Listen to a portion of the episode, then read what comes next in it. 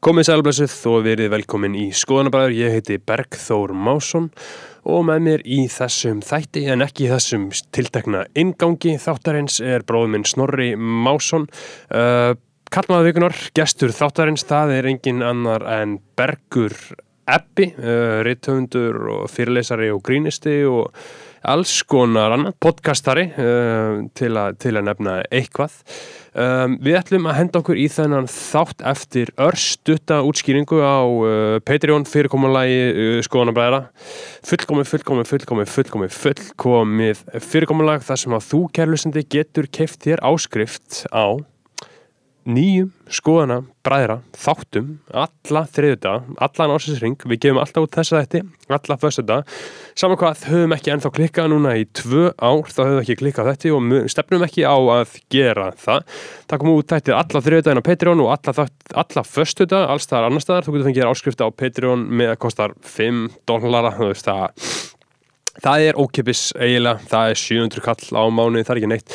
Getur líka fengið þér uh, 10 dólar áskrift, þá getur þú til dæmis verið að hlusta á þennan þátt á þriðudegi eða mánudegi eða hvenar sem hann kemur út og síðan getur líka fengið þér 30 dólara áskrift og fengið virðingu á nafnþitt hérna í byrjun hvers þáttar.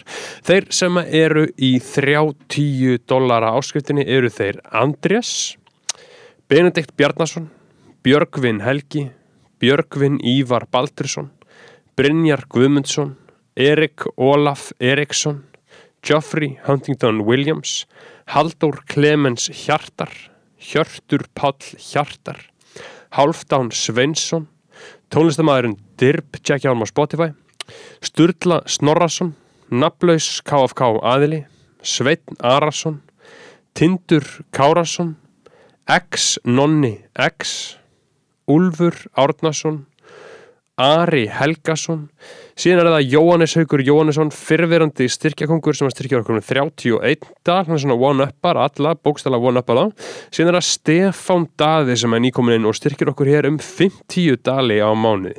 Kunum virkilega meta það en uh, það er einn styrkjakongur það er Tandri Snær Traustason sem að styrkir Styrkir skoðanabræðarlægið um 100 dali á mánuði. Tandri Snær Traustason er styrkja konungur skoðanabræðar og hefur verið það í dágóðan tíma núna. Við kunum innilega mikið að meta þennan eina sanna mestara 100 dalar á mánuði. Það er nú ágætis, ágætis upphæð. Það er eins og, er það ekki eins og 50, jú, ég held að það sé eins og 50 manns í áskrift fyrir 5 dólar áskrift.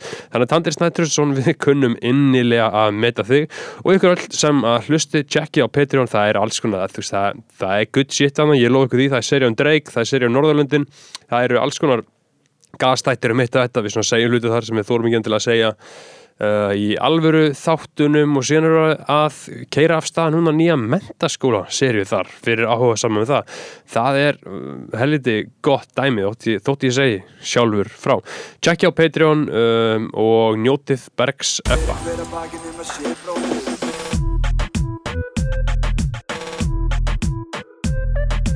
Fyrir hver að bakinn um að sé bróður eigi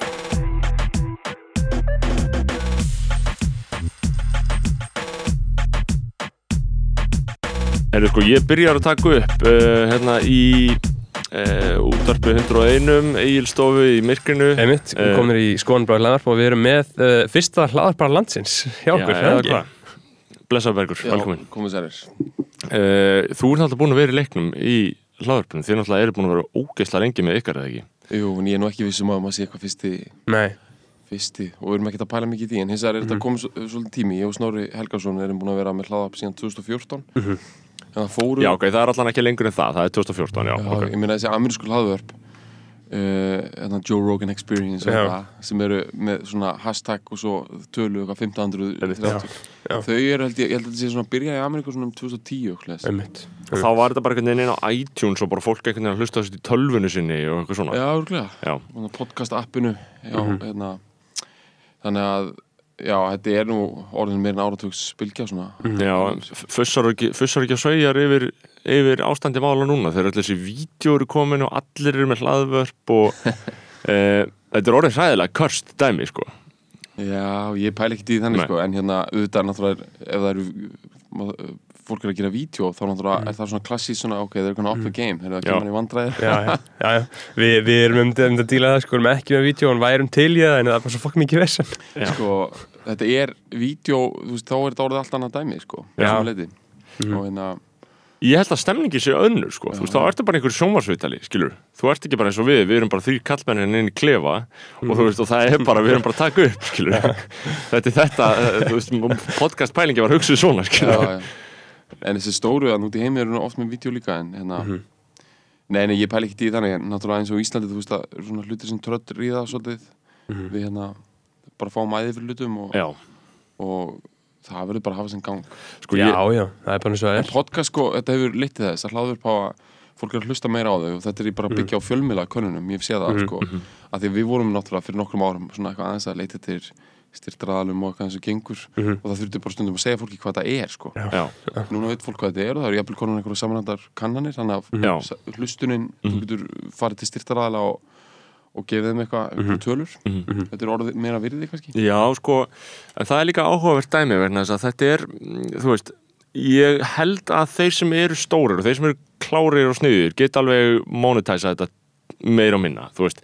Uh, ég held að það sé þannig, ég veit ekki hvernig þið hafi verið að gera þetta með ykkar, hafi þetta ekki bara verið einhver svona tilfallandi styrkir og stundum að fá pening og stundum ekki, skilur, og sem bara nennir maður ekki lengur að auglýsa eitthvað Jú, jú, við erum bara einhvern veginn bara ekki að elda peningin. Nei, einmitt. bara í sem styrstum máli. Eh, Það er svipað við, við vorum með auglýsingar fyrst eitthvað og gáum mm alveg upp að því, við erum núna bara með Já. Patreon sko, sem er mjög sjálfbært dæmi sko. Já, og maður mað líður ekki eins og maður sé skítur í munninu þegar maður er að, að, að svona mouthpísa eitthvað, skilur, eitthvað, eitthvað auðlýsingu uh, en það sem ég held að þetta sé og held að muni gerast er að þetta er orðið rosalega ósjálfbær þetta er mjög ósjálfbær þess að fólk fær almennt ekki laun fyrir það sem það er að gera í podcastleiknum, þú veist, það er mjög mikið verið að framleiða mjög mikið verið að framleiða einhver óksli myndbönd þar sem er verið að tala við alls konar vennilegt fólk og maður, maður svona skilur ekki akkur Ói, venjulegt eða þú veist, eða þú veist bara svona Það er að tala við pöpul þannig að þú veist eh, og, og maður hugsa sko þú veist, hvernig getur þetta gengið til lengdar? Vegna þess að síðan eru og það sem fólk veit ekki almennt uh, og ég vona að fólk taki ekki þannig að ég sé að tala fyrir einhver venilegt fólk en ég er að segja bara að það er er mikið af venilegu fólki að gera En að þetta. skera það úr snurinu hérna uh, og, við, við, við erum venilegt fólk að gera podcast uppálega og það var máli, máli er að síðan verður þetta svona yðnaði sem er verið að senda inn í fjölmiðlana og fjölmiðlandi borga ekki krónu sko.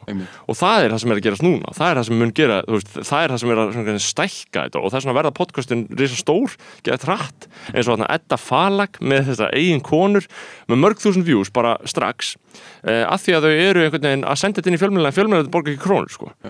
Og þá er maður líka fann að lesa texta inn í íslenskum fjölmiðlum og maður veit ekkert hver skrifaðan og hann bara kemur einhver staðan og maður er alveg sama og þetta er bara kvót, skilur þetta er svo rosalega sturlun held ég sko Já, já. held ég, ég held að þetta endi á einhverjum slæmum stað eða Það bara ekki ekki, skilur þetta, þetta dæmi með fjölmjölar borgi ekki fyrir content Nei. þetta. er ekki vandamáli strax í þessu orði að, að, hérna, að greinar og hugsanir og fleira sé kallað content. Jú, Jú. mögulega. Ég er ekki að, sko, að setja út að þetta er einskusletta heldur bara að þetta sé kallað efni. Þetta sé ekki kallað sko bara það sem þetta er. einhvern, já, já þetta fyrir allt undir sama hatt. Já, en Já. meina, og hvað heldur, hvað þýðingu heldur að hafi þetta sé kallað content, veist, að, að við séum að fjarlægast frá því þetta sé bara eitthvað svona blaðaefni yfir í afþreyingarefni líka, eða hvað? Já, sko, ég sá nú, það er hægt að taka þetta líka á öðrum skala, sko, ég sá hérna tweet frá tónlistamannum Ég veit ekki hvort hann var að kvóti eitthvað annað en það var, það var bara svona kvót og eða svona tweet sem sagði bara Stop calling it content, it's art.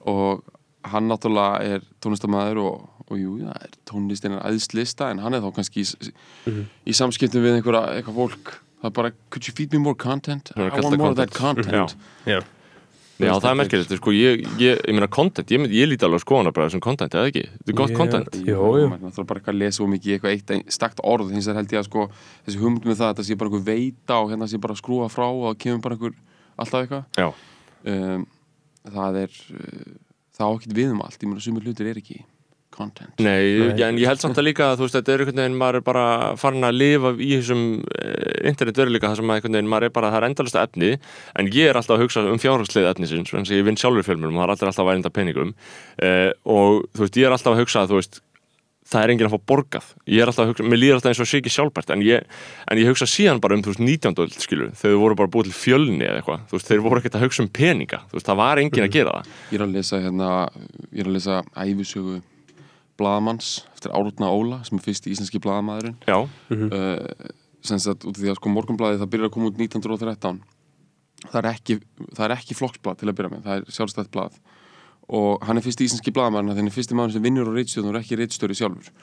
Og uh, það hefur komið út blöð áður eins og til með sko Einar Benedikt svona aðtafnumæður og skáld var alltaf svona montaði sig að því og það er svona hluti af hans rekord. Hann hafi gefið út fyrsta dagblaðið á Íslandi blað sem kom út daglega og hér dagskrá og kom út á í- undir lók 19. aldar sko, alveg langt á undan mókanum en það er ekki að marka sko þetta er einn maður, meir og minna að skrifa og uh, næri einhvern veginn ekki þessari, þessari breytt sko, heldur er bara svona já, einn maður að skrúa frá sínum hugsunum.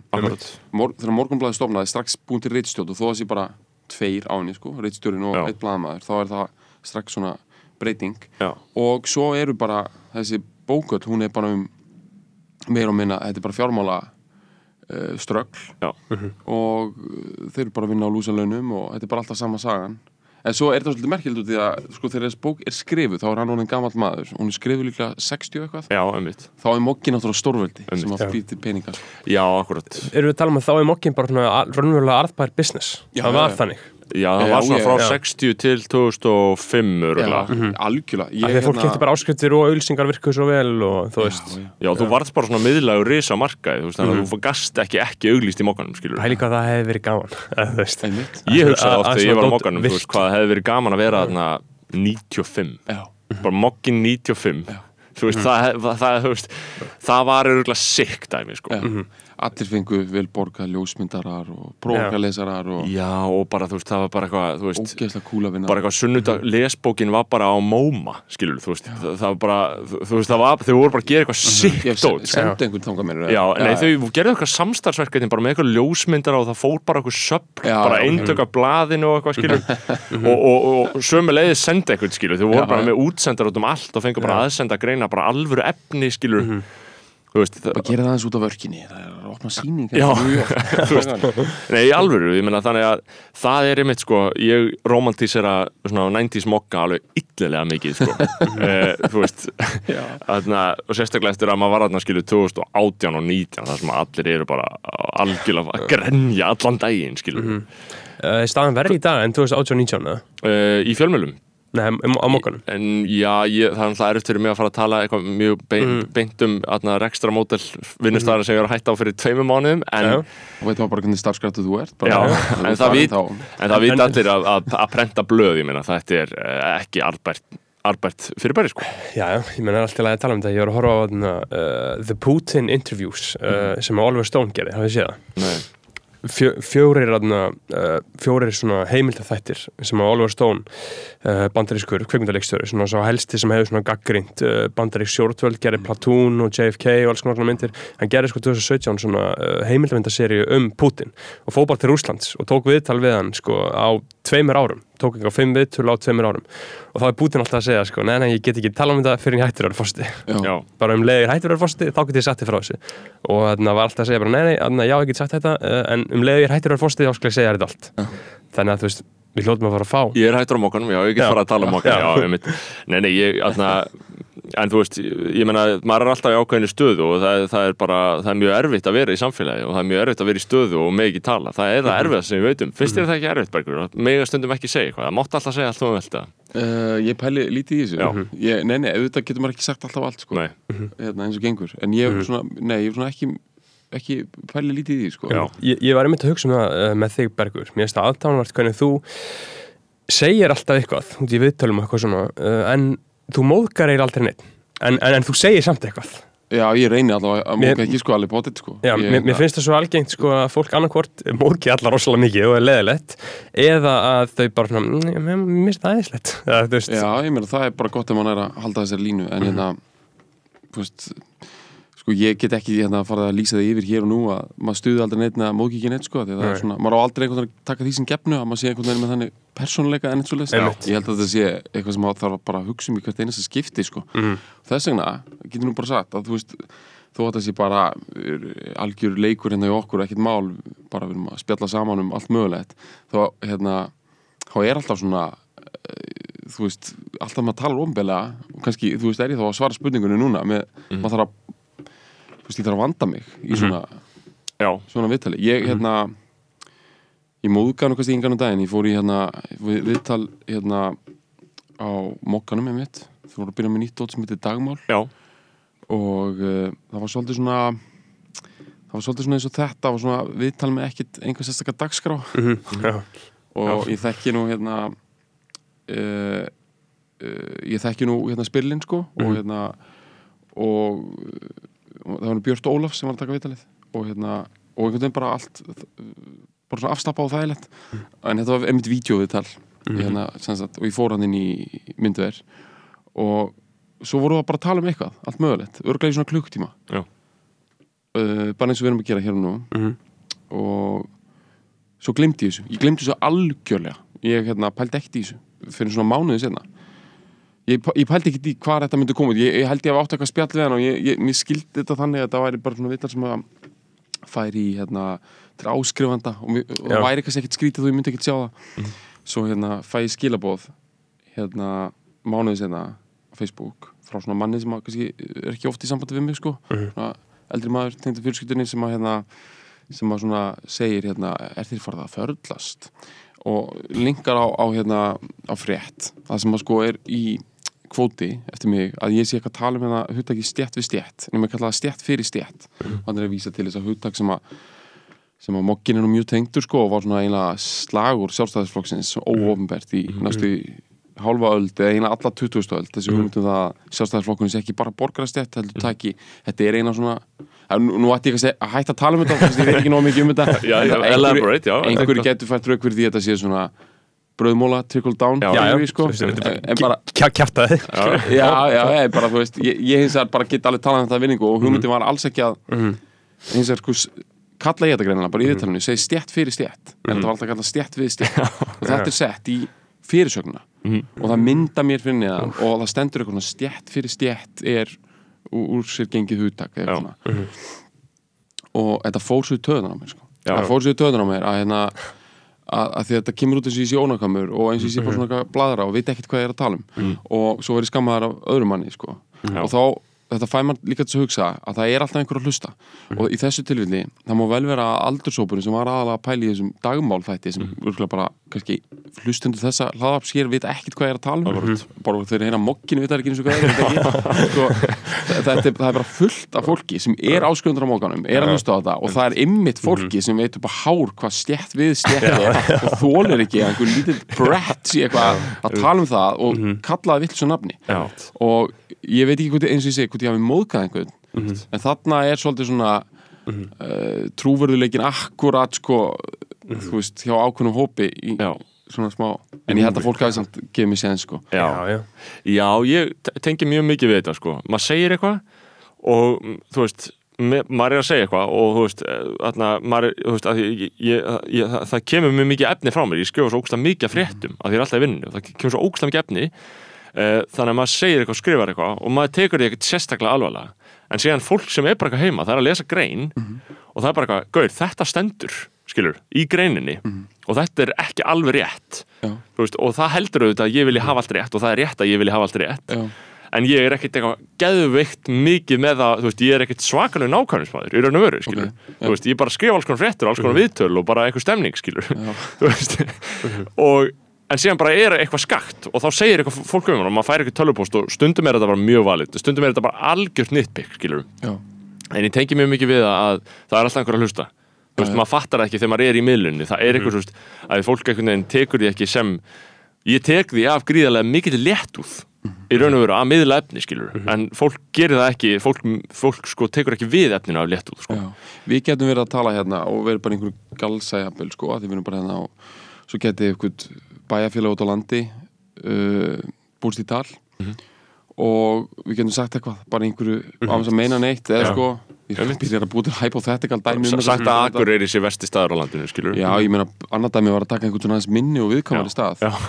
Og það er kannski einhver að hlusta þar og það bara getur verið bara ógeðslega leiðinlegt. Og þetta- þetta er svona eins og þegar hérna þú veist, þegar við erum að horfa á eitthvað þetta náttúrulega gerist ekki lengur þegar Ísland er dásamað allstað núna en maður var að horfa á eitthvað einhvern, einhvern sjónvarstátt eða eitthvað bara, Já. þú veist, 1999 bara að tala eitthvað, bara minnst á Ísland og það var bara sagt eitthvað, eitthvað sem er rámt Já. þá upplifa maður sér svo ótrúlega vardalösan og pyrraðan að ég vildi væri með eitthvað dæmi í kollurum en þetta hefur gerð sko, það sem maður bara hatar leikara Já. sem sagði þetta. Já, Mm, hann er bara svarta listan og svo fyndið, þú veist eins og við erum með þetta hugtaki Íslandsvinir að þegar við erum lítil eiga og bara ef einhver kom og held tónleika á Íslandi þá var hann kallaður Íslandsvinur á útarsmönnum á bylginu í næstu 20 árin. Já. og þetta er svo létt að þóknast Íslandi í rauninni, það eina sem þú átt að gera er að koma og þú spurður, þú átt að segja Íslands er frábært svo átt að halda tónleika og segja þessu bestu tónleika sem hafa verið haldnir og það langið að koma aftur. Og þetta er eitthvað sem flestir pró tónlistamenn og svona vita náttúrulega út af því fatta fara á að gera markaðsstaði. bara, já. Já. og það eru svo fáir sem hafa klúrað þessu. Og það er alveg þekkt að Jerry Seinfeld klúraði þessu en hann var eitthvað mm. pyrraður Eða hvað, hvað er það? uh, ég man ekki nákvæmlega var hann kemur hann til Íslands og hann er náttúrulega eina frægasti maður í heiminu þá þetta er eftir að Seinfeld sjónstáttaröðin hættir. Og hann er með uppstand í háskólabíó.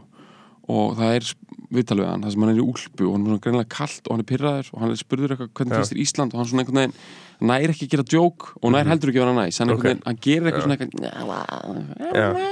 yeah, já, þú veist, hann er bara og hann var ekki vinsalt á Íslandi. Nei. Nei. og Robbie Williams kom inn og það var einhvers sem kastaði flösku mm. frá henni hann Pepsi flösku bara í andlitið á honum sem er ríkalegt bara pæli hvað það er rosalega erfitt að vera poppari líka mm Já, þetta er árás. Hann hann þurfti að hætta tónleikana. Það er öruglega procedure. Þú veist ef að hérna söngarinn fær flösku í andlið þá er ekki meiri tónleikar. Hugsanlega bara ekki eins og hans ákvörðin en það leiti til þess að bara á bylgjunni næstu þrjú árin það bara Robbie Williams hann nú ekki allt og sáttur þannig að komið til lög og tók nú ekki öll þau lög sem fólk var að vonast eftir. Tók til dæmis ekki þetta lag, gjör svo vel Robbie Williams. Já, hann að gera? Þetta er mikið lotteri Já, þú veist, maður, eða ekki einu sinni, maður það bara, maður það bara vera smá skemmtilegur það er bara svo gott að vera með playbooki tilbúið að maður skildi vera að ná alþjóðlega fræð sko og maður fer til Trinidad og Tobago Já. bara þetta er besta eiga í heimi Já. og ég elska hana og maður langar að koma aftur Já. þú getur sagt þarna fólkinu sem út að umba fyrir hérna þetta er bara Já. svona Já. Sérstaklega Já. eigur Já. já, einmitt, þetta er skýtlegt á Íslandi en ég man þegar Angela Merkel var hérna og við vorum, ég var út við þeim og bara eitthvað að- covera heimsóknina skilur við, vorum bara maður er eitthvað svona, þú veist, Stefan Löfven var þarna líka, Erna Solberg og þarna finski gaurinn og, nei, grænlenski gaurinn og álandsega gaurinn fengi ekki að koma að aðalfundin á bókstala, það var stórt summit á Norðurlanda Norðurlanda leiðtogum og Merkel á Íslandi og þú veist, Grænland og Álandsegar og mögulega eitthvað eitt hvað er eitthvað norrænt shit eða? Jú, færiðar líka, já. Þú veist að þau fengi ekki, þú veist, þau voru öll á landinu þau fengi að vera með einnig aðstöðnu en sem var aðal ég fekk, ég fekk að hitta þau. Nema ég fekk ekki Merkel sko. Nei, þú fengst ekki Merkel, ég fekk Merkel sko en þú veist, hann bara talandi um svona Það var, var ekki pláss, eða? bara eftirlendu stefnu, eftirlendu stefnulega ofbeldi sem var það að þau fengi ekki vera með í við uh, og uh, og Merkel var að tala og, og, eða, sérst, og þau voru að tala og, og Björn, Björn á Rúf, Björn Malmqvist spurði henni eitthvað á einhver, eitthvað á þýsku um þú veist ástandi á norðurslóðum skilur og Merkel talaði um að hún hefði rætt við Katrinu um uh, feminisma og þarna, sjálfbærni þjóðverðar fara bara Já. einhvert og segja bara sjálfbærni og, þar bara. og, og digitalisérung þau tala alltaf um digitalisérung þjóðverðar alltaf tala um hvað Já, kallar það? stafræðan vegferð, við kallum það. Það er eitthvað svona verkefni sem Bjarni Benediktsson er búin að vera um hjálmararandinni gett lengi uh, sem snýst bara um að spara pening og þjóður er alltaf að tala um digitalisering. Og ég hugsaði bara, þú veist "Ah, akkur kemur ekkert kótið, skilur þú veist, akkur er ekki, veist, bara spyrja hann um bara eitthvað, bara Merkel, segðu eitthvað um Ísland, segðu eitthvað, Já, bara já, fólk vil lesa það já. Já, eða bara, já, ég var, og, og, og ég man að sko, að því ég vildi bara, skjóða grein, ég vildi skjóða grein sem fólk myndi opna, en hún bara sagði ekkert, það sagði engin neitt skemmtilegt það sem fundi, þetta var bara, fyrirsögnin var bara sjálfbærni til framtíðar á Norðurlöndum og mm. samvinnuverkefni á milli Þýskalands og Norðurlanda er mikilvægt þetta svona samstarf er lórum ipsum bara bara- í Lórum Ipsum bladamannafundur bara sendir átt bladamannafundur og þetta var svo mikil vombrið og ég hugsa bara hvað er að þér að vera stjórnmálamann og segja ekki neitt? En kannski er það bara Merkel king move skilur. Ætla það sé að úthugsa hjá henni? Ef að Ísland skildi allt í henni núna að fara að taka þátt í einhver stríðsrekstri eða, hvað sem er Ætla það sé fullkomlega úthugsa? Það sé no kommenta allt svona? Að play it safe bara, ég veit það ekki sko. sko, þetta er alltaf bara leikjafræði. Ég meina hversu mikið, hvað mikið hefur að vinna versus hvað mikið hefur að tapa? Og eftir því sem að staðin verður. Eða sko, til dæmis ef við myndum taka hérna, uh, við myndum taka forstjóra versus stjórnmálamann, sko, það sem er aðeins öðruvísi dæmi, það eru fullt af hlutöfum og svona sem eru þú veist, og svona, þetta er viðkomari staða. Þá grein ég Economist núna um forstjóra sem er búið að reka undanfönnu uh, það var að reka gæja hjá KPMG í, í Breitlandi uh, sko það sem að hans uh, er rekin, það sem hann er að segja sko, er rekin fyrir, það er svo soft sko, í Já. einhverju samingi uh, hann var að segja hérna, hann var að segja eitthvað svona fárlega að endur taka eins og en þú veist, hann var að tala um COVID að fólk hérna uh, þurfi bara eitthvað svona tougher up og Já. svona, þetta var svona svolítið þannig og, og kannski einhver leðinu tótn í því og náttúrulega einhver KPMG fórstjóri eitthvað, þú veist, þetta er náttúrulega bara alltaf hann var reikinn uh, og niðurstaðan sko í þessari greinu Economist er bara að fórstjórar tekkust að taka áhættuna til hvers að vera að segja eitthvað svona opinionated eitthvað Akkurat.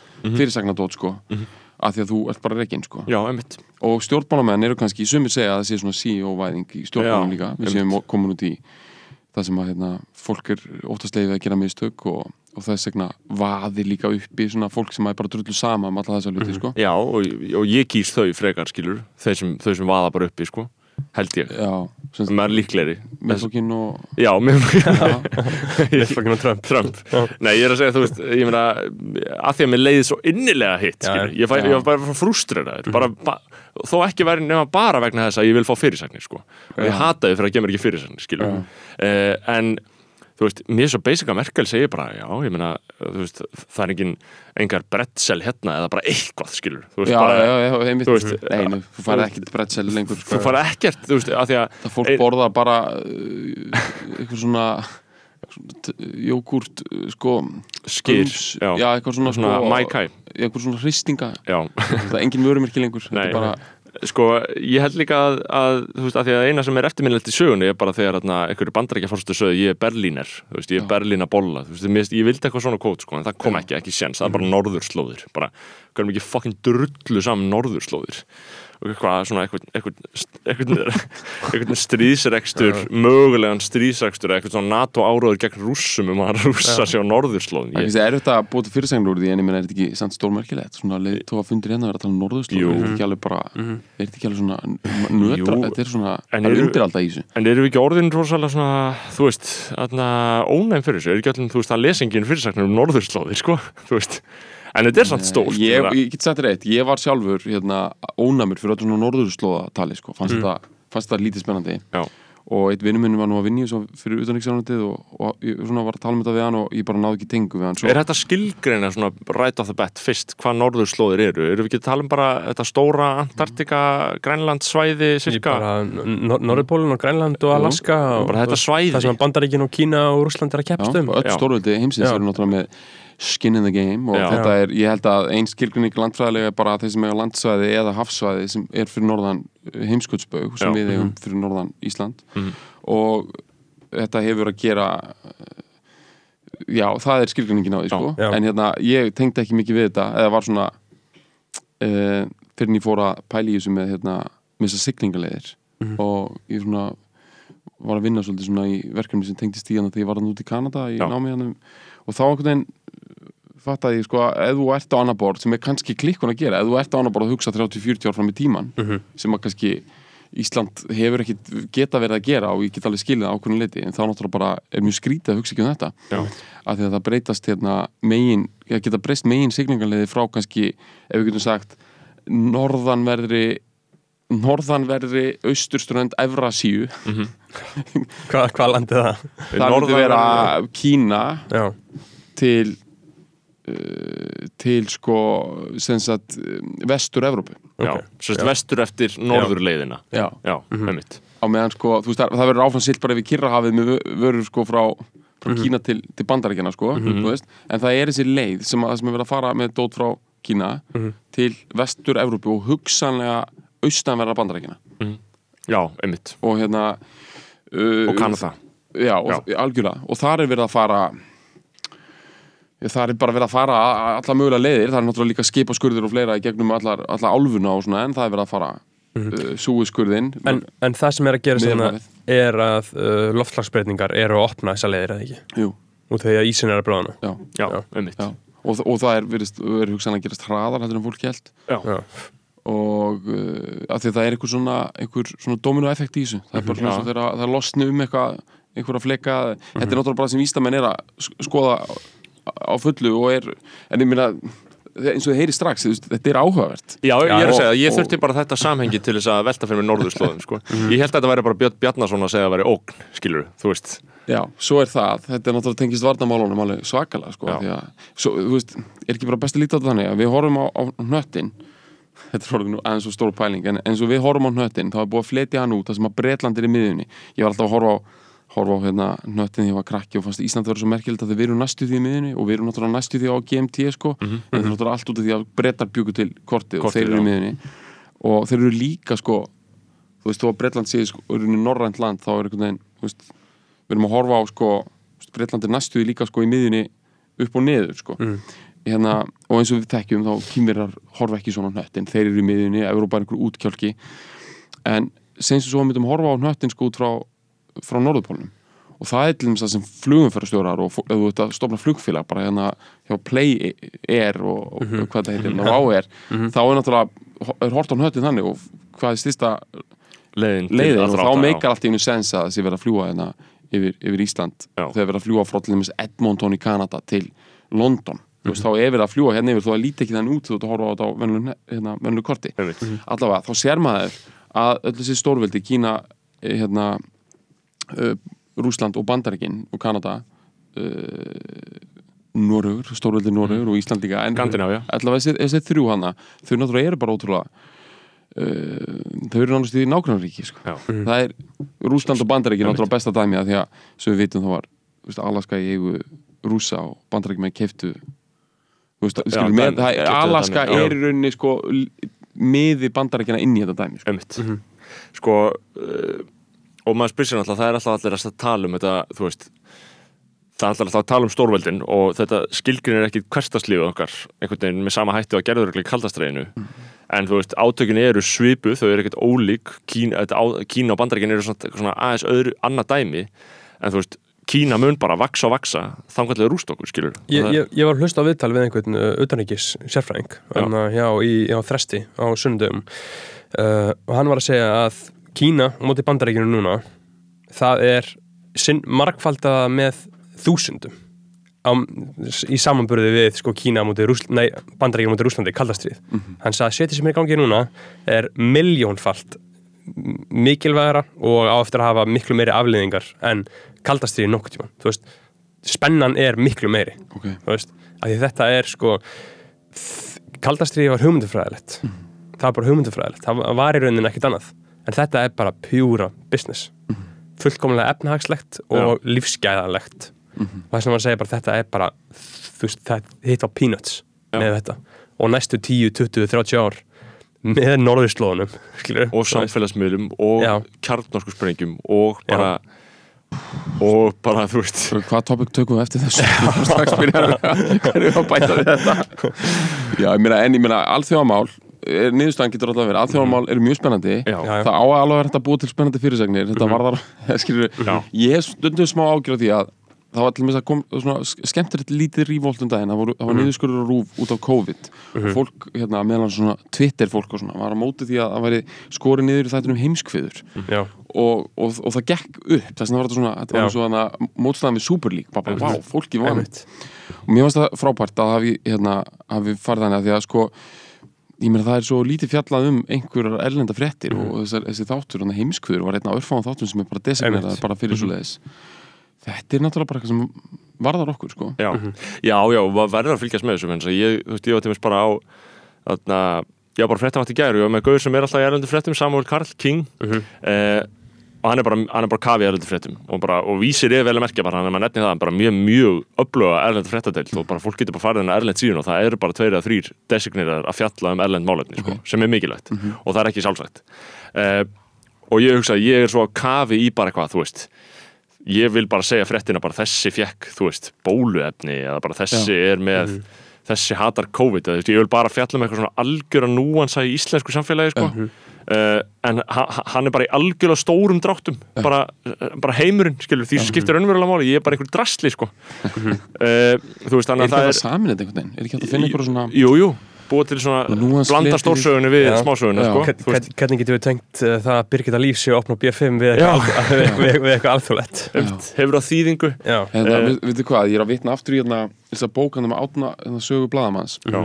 Hann er að segja að mokkin er nýbyrjaður og gengur rosalega illa 1913 svo brýst sko heimstyrjöldin fyrri út 1914 Mhm. og hann var einn alvað fór á hausinn sko 1900, en þá brýst þessi styrjöld út. Og, eð, sko, og í aðdraganda hennar er rosa mikið spenna þar sem að fólk er svolítið þyrst í fréttir. Ok, og þetta gengur þannig fyrir sig að, hérna, að það koma bara ég man ekki hvað það virkar, þeir eru eiginlega bara að býða til bátum sko. það er komið þetta loftskeitasamband en þetta er eitthvað voðalega stópult og mokkin sko hérna fær skeiti og byrtir og setur í sko í gluggan einmitt, fólk kominir á skoða fréttir. Og, og þannig, þú veist, náðu þeir að vera vinsæli sko.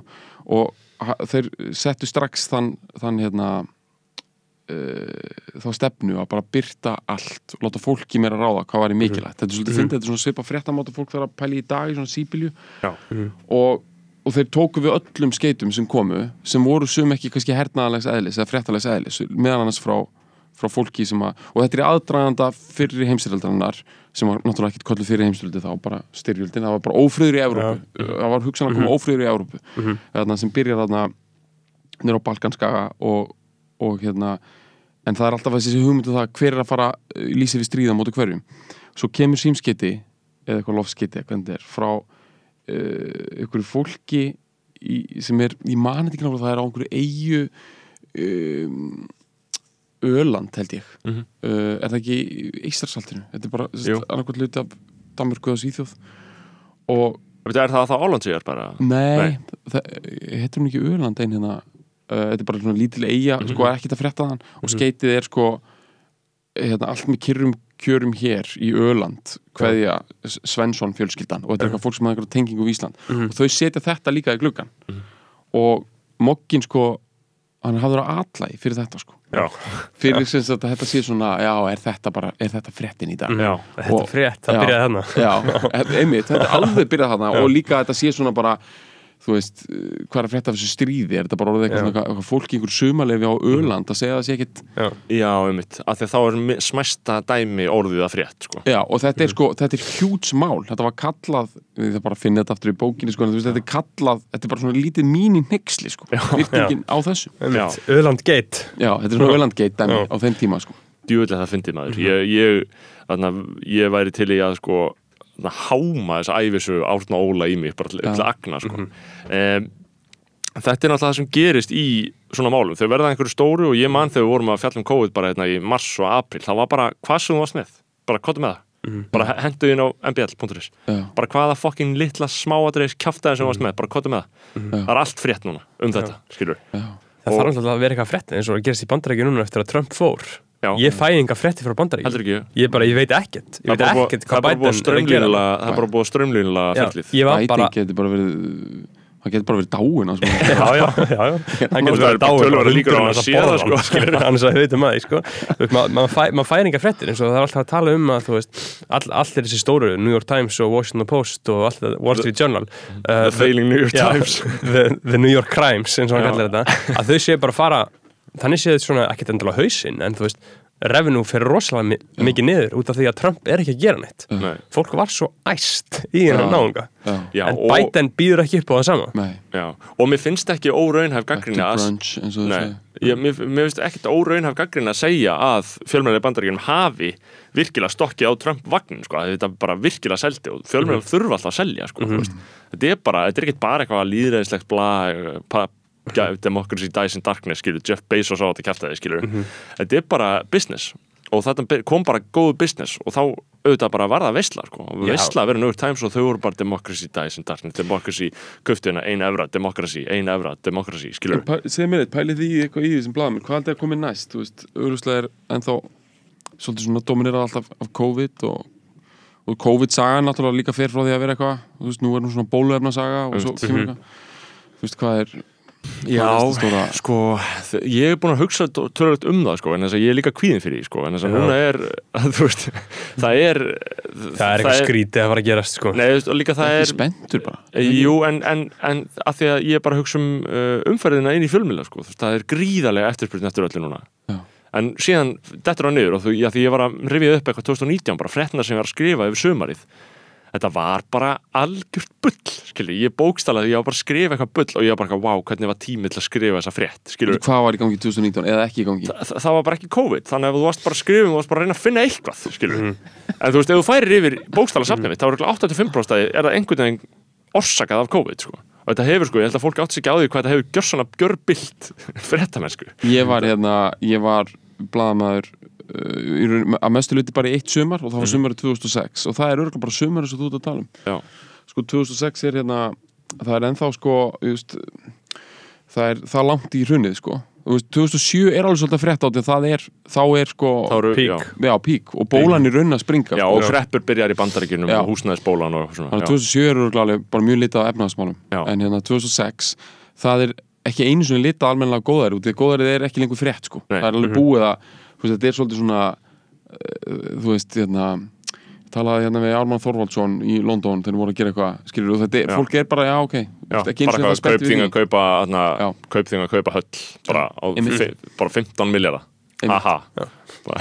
fl- allir fluttur reynsirórarna sinna í höllina. Þannig ég bara svona einhvern veginn Þetta er, 2019 var þetta ár sko, í síðastu góðari sko. það var huge ár og allir áttu pening ekkert að gerast og enginn að pæli samfélagsmálum bara, þú veist, já, allir bara ferskir.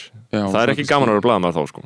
Það er, er vissla eitthvað búið að minka þá líka og, Já, já. Og- allt einhverja lægð. Já, en þannig að ég en þú veist, hvað að vera manneskja, vant að vera blaðmaður Já, en, hva, og það er alltaf, þetta er alltaf, þetta dansar svolítið saman þessir, þessir eiginleikar í, í samfélaginu, sko, en, en þarna, Við lökum til, þú kvíðir. Já, ég var alltaf, ég man sko, ég man líka síðasta sumar, þá gríniðast ég með, þú veist, 2020, svo, þegar COVID var svona búið, fyrsta bylgjan, sko, og allir voru bara, já, ok, þetta er bara búið hérna á Íslandi, þú veist, og þá var þetta allt svolítið að detta niður, skilu, þá var ég bara, ein lítil hópsýking væri góð núna, skilu, þú veist, munið ekki eftir því þegar bara, að í júli, þá held enginn að þetta væri að fara að koma aftur, sko. Nei, En- en, hvað er ekki annir um sko. En, en, en hvað tekur við í sko hvað tekur við í samfélaginu og samfélagsgerðin sem við atna, munum horfa upp á eftir COVID? Það er náttúrulega stór spurning sko. ég, uh, veist, það er náttúrulega kostningar í haust það verður eitthvað hræðilega leiðilegt að þurfa að pæla gett mikið í því. Uh, og þá mun veist, fólk segja ljóta hluti sem það meinar ekki. Uh, en ég held að bara ferðarþjónustan byrji uh, úlinga byrja að djamma aftur uh, fólk bara heldur áfram en ég held samt að samfélagsmiðla munið að endanum eða ekki samfélagið skilur Segmundur Davíð ekki að plotta eitthvað Já, ég, ég er mjög spenntur að sjá hvað hann gerir Mhm. ég er bara mjög spenntur það, að það er content, talandi um content Já, sko. og það er, þú spenntur ekki kvíðin sko. Nei, Bara, einmitt. já, já, Nei, algjörlega, ég hérna Jú, ég auðvitað, ég var að gleyma því, það eru kostningar Já. það er hérna það, Þá getum við fara að tala um, um alvöru mál um, Getur ekki verið að við séum búin að fresta svolítið svona stóru hagsmuna línum samfélagsins jú, jú og það er það sem þau eru að tala um skilur en ég veit samt ekkert hvort við sem eitthvað að fara að tala um þau frekar núna. En ég veit, ég, þarna, ég, þú veist ég hef ekki hugmynd um Íslands stjórnmál, hvað gerist þeim sko? Það hafa komið upp hlutir eins og samherjamáli og fleira á þessu kjörtímabili sem að er svona eðlilegt að fá uppgjör í svona stjórnmála umræði fyrir kostningar ekki það að það sé eitthvað þurfa að skrifa eitthvað svoleiðis á einhvern einn ákveðin flokk en það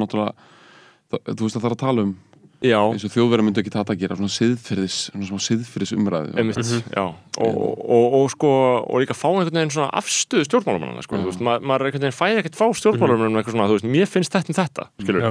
mér finnst það ekkert gerast lengur af því að þau gera það ekki nema þau séu bara uppi vegg sko. Já, uh, og þú veist, ég veit ekki, maður sakna þess smá sko, uh, en maður ímyndi sér kannski að fólk geti komið sterk inn, stert inn sem kemur með þessa afstöðu, en það trúir ekki fyrir að þú hefur verið inn á þinginu og gerir það samt þá skilur það, það geti allir sagt eitthvað sem eru utan þingja, því ég held að þingið sé orðið svona forstur á dæmi, skilur, já, þú ert skítrættur uh, og bara ég tek endalsta viðtölu við þingmenn og það er stress um það hvernig hlutni koma út og hvað þau eru að segja og Já. lesa yfir og þú veist, bara eitthvað, að- þú veist, ég get ekki verið að tjá mig um að góða að þetta. lesa yfir dæmið það. Ha, er, eru þau byggjum að lesa yfir? Já, eða þú veist bara eitthvað svona sjá það sem kom, mín komment, eitthvað svona Ok. svona þú veist, uh, og svo tala við þingmenn on off record, og þá er það bara vissla og maður bara ímyndaður ef þetta fólk myndi tala svona í alvörunni, skilur, Ja.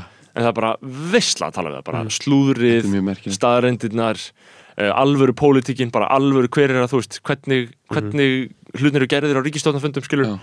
Og ma maður fær þessar upplýsingar en maður má ekki, maður getur ekki sagt það, skilur maður hefur það ekki í raun og veru En ég meina, er ekki, þú ert komið nóg mikið svona einsæði og uppsinga til að skrifa einhverju svona, meira svona einhver svona gonzo grein Jú, jú, gónsókreinu og það er náttúrulega markmiðið að segja sannleikan sko, því það er, að það, er, það mun alltaf vera það eina sem segir sannleikan sko, en þú veist, eitthvað þannig greinar stórmannum mun aldrei segja sannleikan sko. bara eins og Þórður Snær er að skrifa á kjarnan sko. hann svona getur kannski ekki keirt þetta alltaf á svona beinum tilvitunum en ég meina hann hefur bara þekkinguna og Já. innsæði til þess að bara svona nokkurn veginn vita He knows, Já. sko. Svo er hann bara með sína línu og sína sannfæringu og, og svona svolítið konsistent í því sko. Já, það er ekki já, það er ekki komið út, getur ekki ge- gert eitthvað svona uppgjör yfir, yfir hérna, kannski eitthvað ári stjórnmálum svona sjónvóli blaðamanns ég bara fer í það, fer í það á vaktina eftir. Um, En heyrðu, þurfum við ekki að ræða eitthvað stórmál? Hvað erum við að tala með það? Sko, það er alltaf Við þurfum alltaf að tala um, um Bergur, þú fjallar um tæknina. Já. Þú fjallar um Facebook og Instagram. Og allt þetta ógeð. Og hérna, minna kúltúrin sem hefur skapast í kringu það eins og vorum að tala aðan um stjórnmálamenn hvað þeim finnst um þetta, stjórnmálamenn tala ekki um þetta. Já, ísl, íslenski stjórnmálmenn þóra samt alveg að segja eitthvað um Facebook og svona. Það er fyrir Já, fyndið en, en, sko. en meira svona kúltúrin sem hefur skapast á Íslandi eh, í kringu, áhrifaldarnir og nokkóið og en við erum alltaf komið óþól fyrir því ef að stjórnmálmenn var eitthvað að skipta sér að einhverju svona sko, og það, Mhm. það er svona hluta af einhverju svona eða, veist, það er eitthvað sem að var eða, veist, þegar ég var unglingur skilur þá var þessi pæling að með eitthvað svona forræðishyggju og stjórnmálmenn Mhm. ekki skipta sér að neinu sem tengist afþreyingu eða fjölmunum og svona, Einmitt. en ég held að þessi arflega því það væri svolítið svona það væri rosalega mikið skref ef að ykkur stjórnmálumæður við vinstir grænum myndi fara að tala um hérna siðfyrirslega úr, úrkynjum Mhm. af því að það myndi setja fólk í bara, já, er þetta er að sama á Það trigger fólk pólitíkið inn á sko. Já, já, 1972 sagði Já. um sko. Um bjórin bara já, já, bara, einmitt. Eins og þegar Agnes Biskup sagði að vera já, fólk Já. er með Og ég hérna- dýrkaði það, sko, ég vil fá það frá henni, skilur Þannig að það væri, það væri verið að fara okkur nýjan stað í, í, í íslenskri umræðu þegar fólk eru með völd, sko, stjórnmálafólk var að, gaggrína kúltúr já, gagna kultúr, hins vegar eru sko, eins og með, að- ég meina það eru eftirlistofnarnir sem fylgjast með með ymsu í þjóðfélaginu og, og, og það, eru, það eru lög sem gilda um fjölmiðla, sko uh, og, og En þeim, sko- þeim framkvæmt, sko, En- þeim er framfyllt, þannig að En sko, uh, ég meina Ástu Arna hún er komið 20.000 followers held ég á Instagram, allan að Svo- 10 svona mikið? 20.000 followers, allan að 10 Nei, já. kannski svona 14.000, mögulega. Tjekka það ekki, púlðaður app það um, og, hún, og er markvist að sapna followers bara eins og allir gera. Vá, hún er með 17.000 já, Já, á Ne, bara næstu jafn mikið á herran Hitsmjör og Aron Kahn. Já, og hún er með content að hverjum degi. Mhm. Uh, og hún er, hún, hún er dómsmálaráður ég meina hún hún er með content bara um líka pólitíkina. Bara þetta gerði ég á síðustu tveim vikum og það var bara svona glæru, Instagram glærusýning einmitt. um eitthvað svona þarna, mál. Uh, og um, þegar hún fór í þyrlu landhelgisgæslunar að skoða gósið þá var hún bara live á Instagram og með story og Ok. skilur uh, og það er auðvitað markvist leið til þess að safna fylgjendum þannig að fylgjendurinnar á Instagram skipta máli fyrir hana pólitíst uh, og fólk hefur bent á að veist, mörkin sé að mást út þarna á milli bara áhrifavalds og stjórnmálavalds. Maður veit ekkert hvort þetta er og ég, veist, og allt sem maður segir verður náttúrulega bara smá, smá búmeralegt um þetta mál, hvort er hún áhrifavaldur, hvort er hún stjórnmálmaður en þetta er mjög áhugavert samt.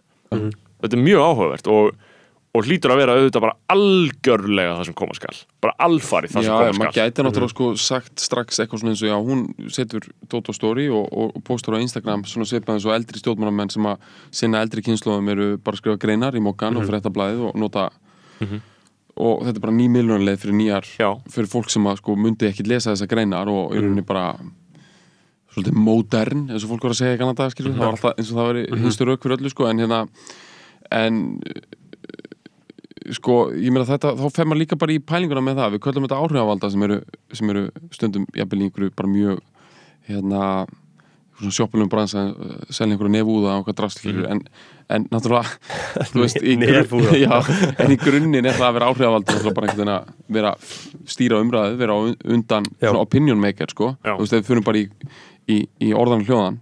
Þannig að það er kannski ekki fáránleg pæling að, að, að tala um það að stjórnmálafólk og, og sérstaklega af yngri kynsluðinni renni saman við svolítið svona stjætt áhrifavalda ef við bara horfum beinlega svo hvað orðið þýðir og noti mátt þessara fjölmiðla uh, þannig og, og kannski komi og kannski setja þá pólitík sína og, og, og hugssjónir í bland við eitthvað content efni, svona Já. sem eitthvað clickbait mm. svona það er alveg hægt að færa rauk fyrir þetta sé í rauninni bara allt svona frekar Já, mér, ég, ég, er alveg saman því Þetta meiki bara fullkominn sens sko. Ég meina listamenn eru þetta líka sko Ég meina þú ert listamæður í dag Þú ert, alla, út áhrifaldur eða út með podcast líka já, það er bara svo áhugaverð að sjá hérna, hérna Bubbi Mortens, hann er svo útrúlega flottur uh, listamaður, sko, ekki bara þegar hann hefur alltaf eitthvað að segja og með svona sannan tón hefur haft alltaf.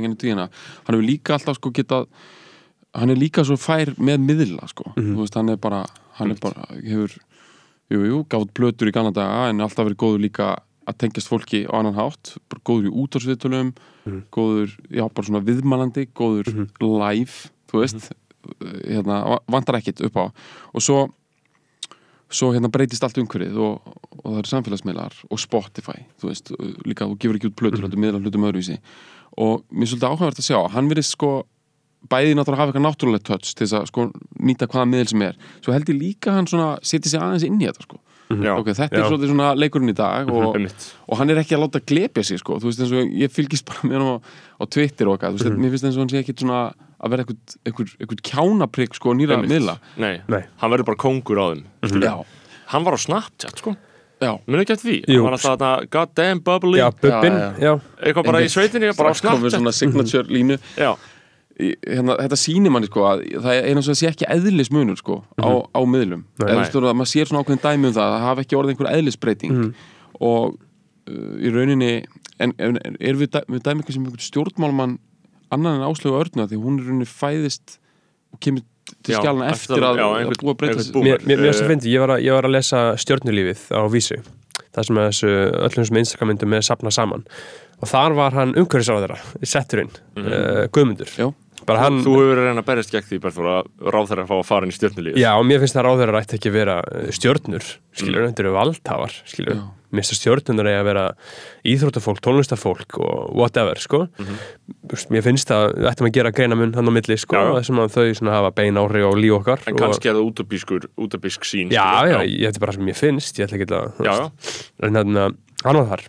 Og hann er ekki jafn Instagram savvy og Áslu Arna það er bara sést, maður, bara, ma maður sér það í augunum á skilur. einmitt. það sagði einhver aðstofum á honum að taka þetta selfie og þetta var svona selfie og mynd af tungslósunu þetta var svona þannig, skilur. Já, ég ætla ekki að segja hvort einhver hafa sagt honum það en þú veist, þetta var ekki náttúrulegt eins og þetta er Nei, hjá. Áslu, því hann er örgulega færtugur Eitthvað í og, kringum og, það, og, og. Katrín Jakobsdóttir er búin að vera með tilhörnir á samfélagsmiðlum og það, Instagram story og svona og það eru aðstofamenninir að tala, skilur Mhm. og það gengur ekki, skilur Mér finnst til að sko, stjórnmálafólk, eldra stjórnmálafólk heldur þess að ímynda sér að það þurfa ekki að fokkin halda símanum sjálft skilur, auðvitað þarf það að halda símanum sjálfur Mhm. ef það ætlar að vera með Instagram story.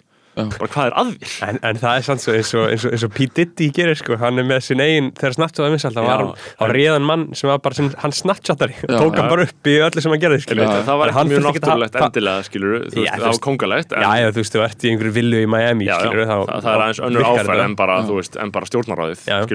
en þú voru að halda þetta með sá þessu sjálfur Já. það eru svona guidelines sem maður geti gefið Já. bara til þess að láta þetta líta eðlilega en veist, að Bjarni Ben er líka ankannalegur á samfélagsmiðlum eh, Sigur Ingi ekki með samfélagsmiðla þú veist eh, mm, það eru, þú veist, þau eru öll það er, það, þau, þau, það er ég, ég, ég veit ekki til þess að neitt hafi náða að fóta sér sko. En, en málið er að þetta er inevitable, inevitable þróun, sko. Þetta mun, eins og maður tala um, Já, bub, já. eins og tala um Bubba á hann. Uh, Spotify er núna búin að vera vinsælt á Íslandi síðan svona 2014, eitthvað svoleiðis. Bubbi var ekkert endilega þar, sko. Veist, þetta hefur bara svolítið verið að þróast hægt og rólega, núna er Bubbi uh, ég held, hann er með 78.000 monthly listeners, Já. ég held hann sé vinsalastur í Íslandi, Já. kannski Bríett sem er með meira en ég meina það eru 78.000 Íslandingar hann hefur bara passað að hérna, backkatalókurinn sem er náttúrulega Já. hans styrkur sem hinnir hafa ekki Já. hann er komin inn í playlist á svona þess einmitt, og það er bara ákveðin vinna sem þarf að, sem þarf að gera það og, tók ákveðin.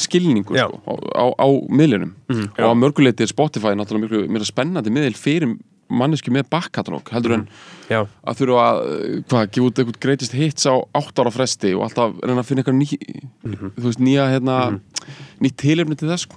já, og ma- ma- maður sér það alveg sko á svona endur útgáfunum hjá Bubba sko. Þú veist, þetta er svona rosalega allt snirtilega sett upp hjá honum og hérna Soul Reese 1980 til 2020 Já, og það er bara eitthvað, einhver lög sett saman í einhvern sama svona sem í einhver greatest hits.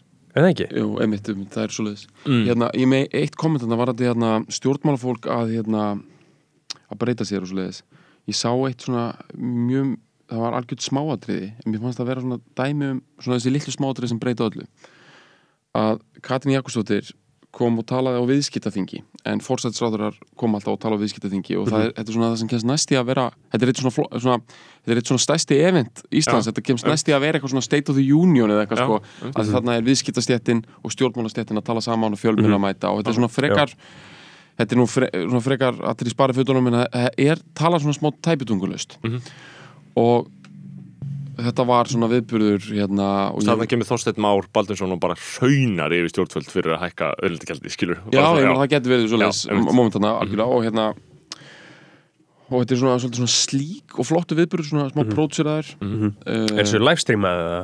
Já, þetta er Já, alltaf já. tekið upp. Þú getur fundið viðskiptaþinga á YouTube bara mörg ára eftir tíman og, Söndu þetta var- Daví fokka alltaf öllu upp þegar hann fór að tala þarna og eitthvað svona skilur já, og ég hef hérna, ég hef verið einhvern tíma með erindi uh, hérna, eða með, með uppistand í rauninni sko, þannig að ég, þú veist, þetta er, þetta er svona flott áfæð á þessu, þetta er mjög slík.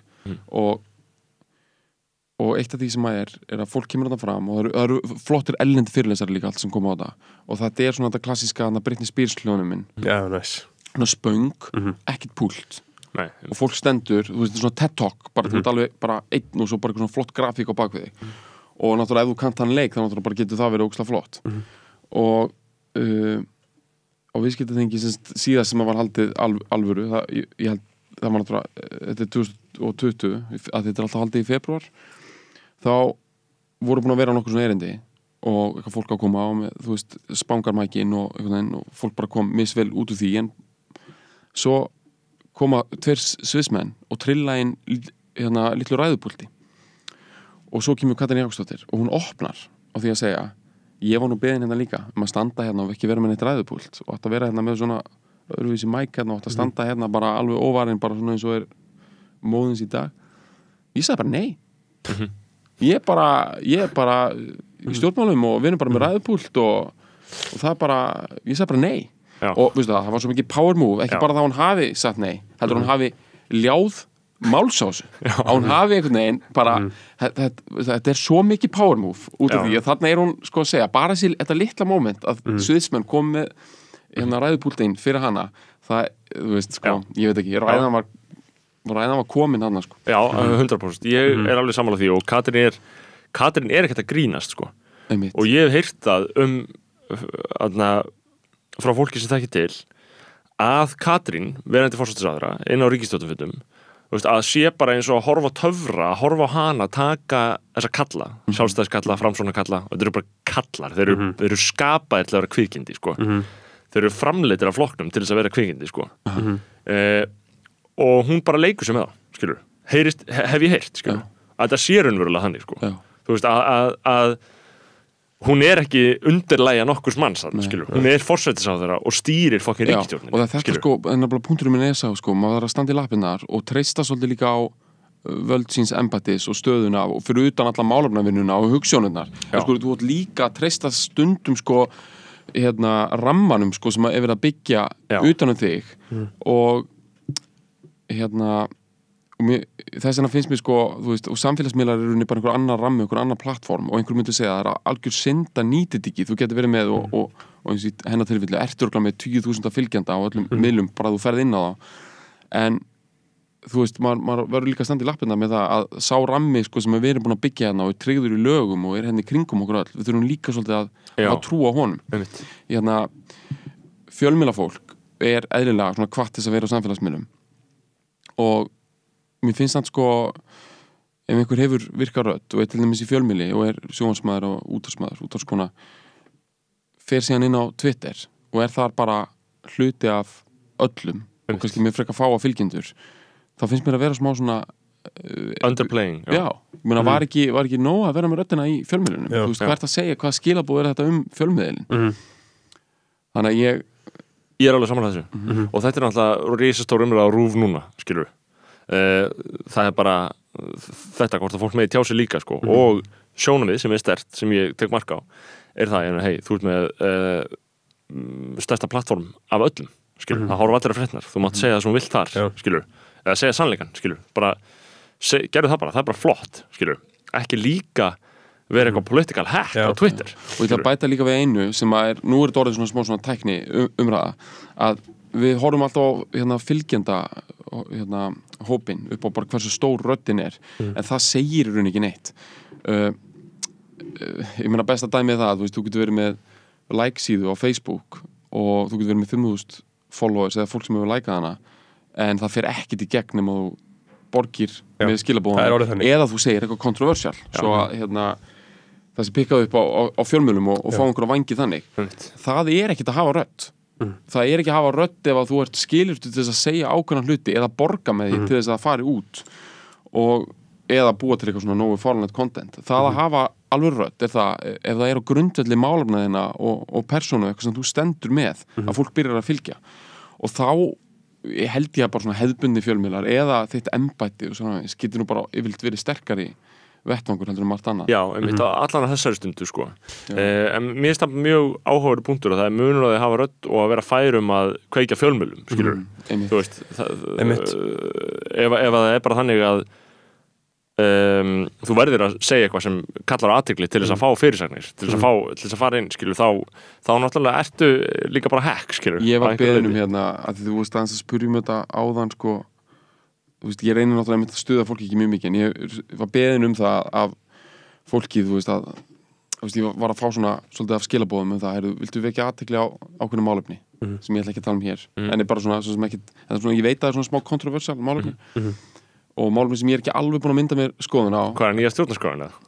með heifa, sko, þú veist þetta er, þetta er endar annað, sko. Já, ég get ok. sagt okkur þetta þetta er, þetta er svona politíks eðlis. En er samt þvert á flokka, myndi ég segja. Já, og hérna fálega því að tala abstrakt um þetta og ég mun komast upp með það. Ég var beðin um það og, og ég svara bara svona, þú veist, kurtislega bara, já, þetta er ekki alveg svona á minni þetta er bara ekki alveg á minni málumnaskrá að tala um Já, þetta. nei, og hérna þú veist, ég get alltaf minnst á þetta eitthvað í framhjólaupi en ég hef ekki, ég get ekki verið hérna, einhver málpípa, einhver, einhver ákveðna afla ég, er ekki búin að hugsa þetta til enda þetta er tiltekna mál.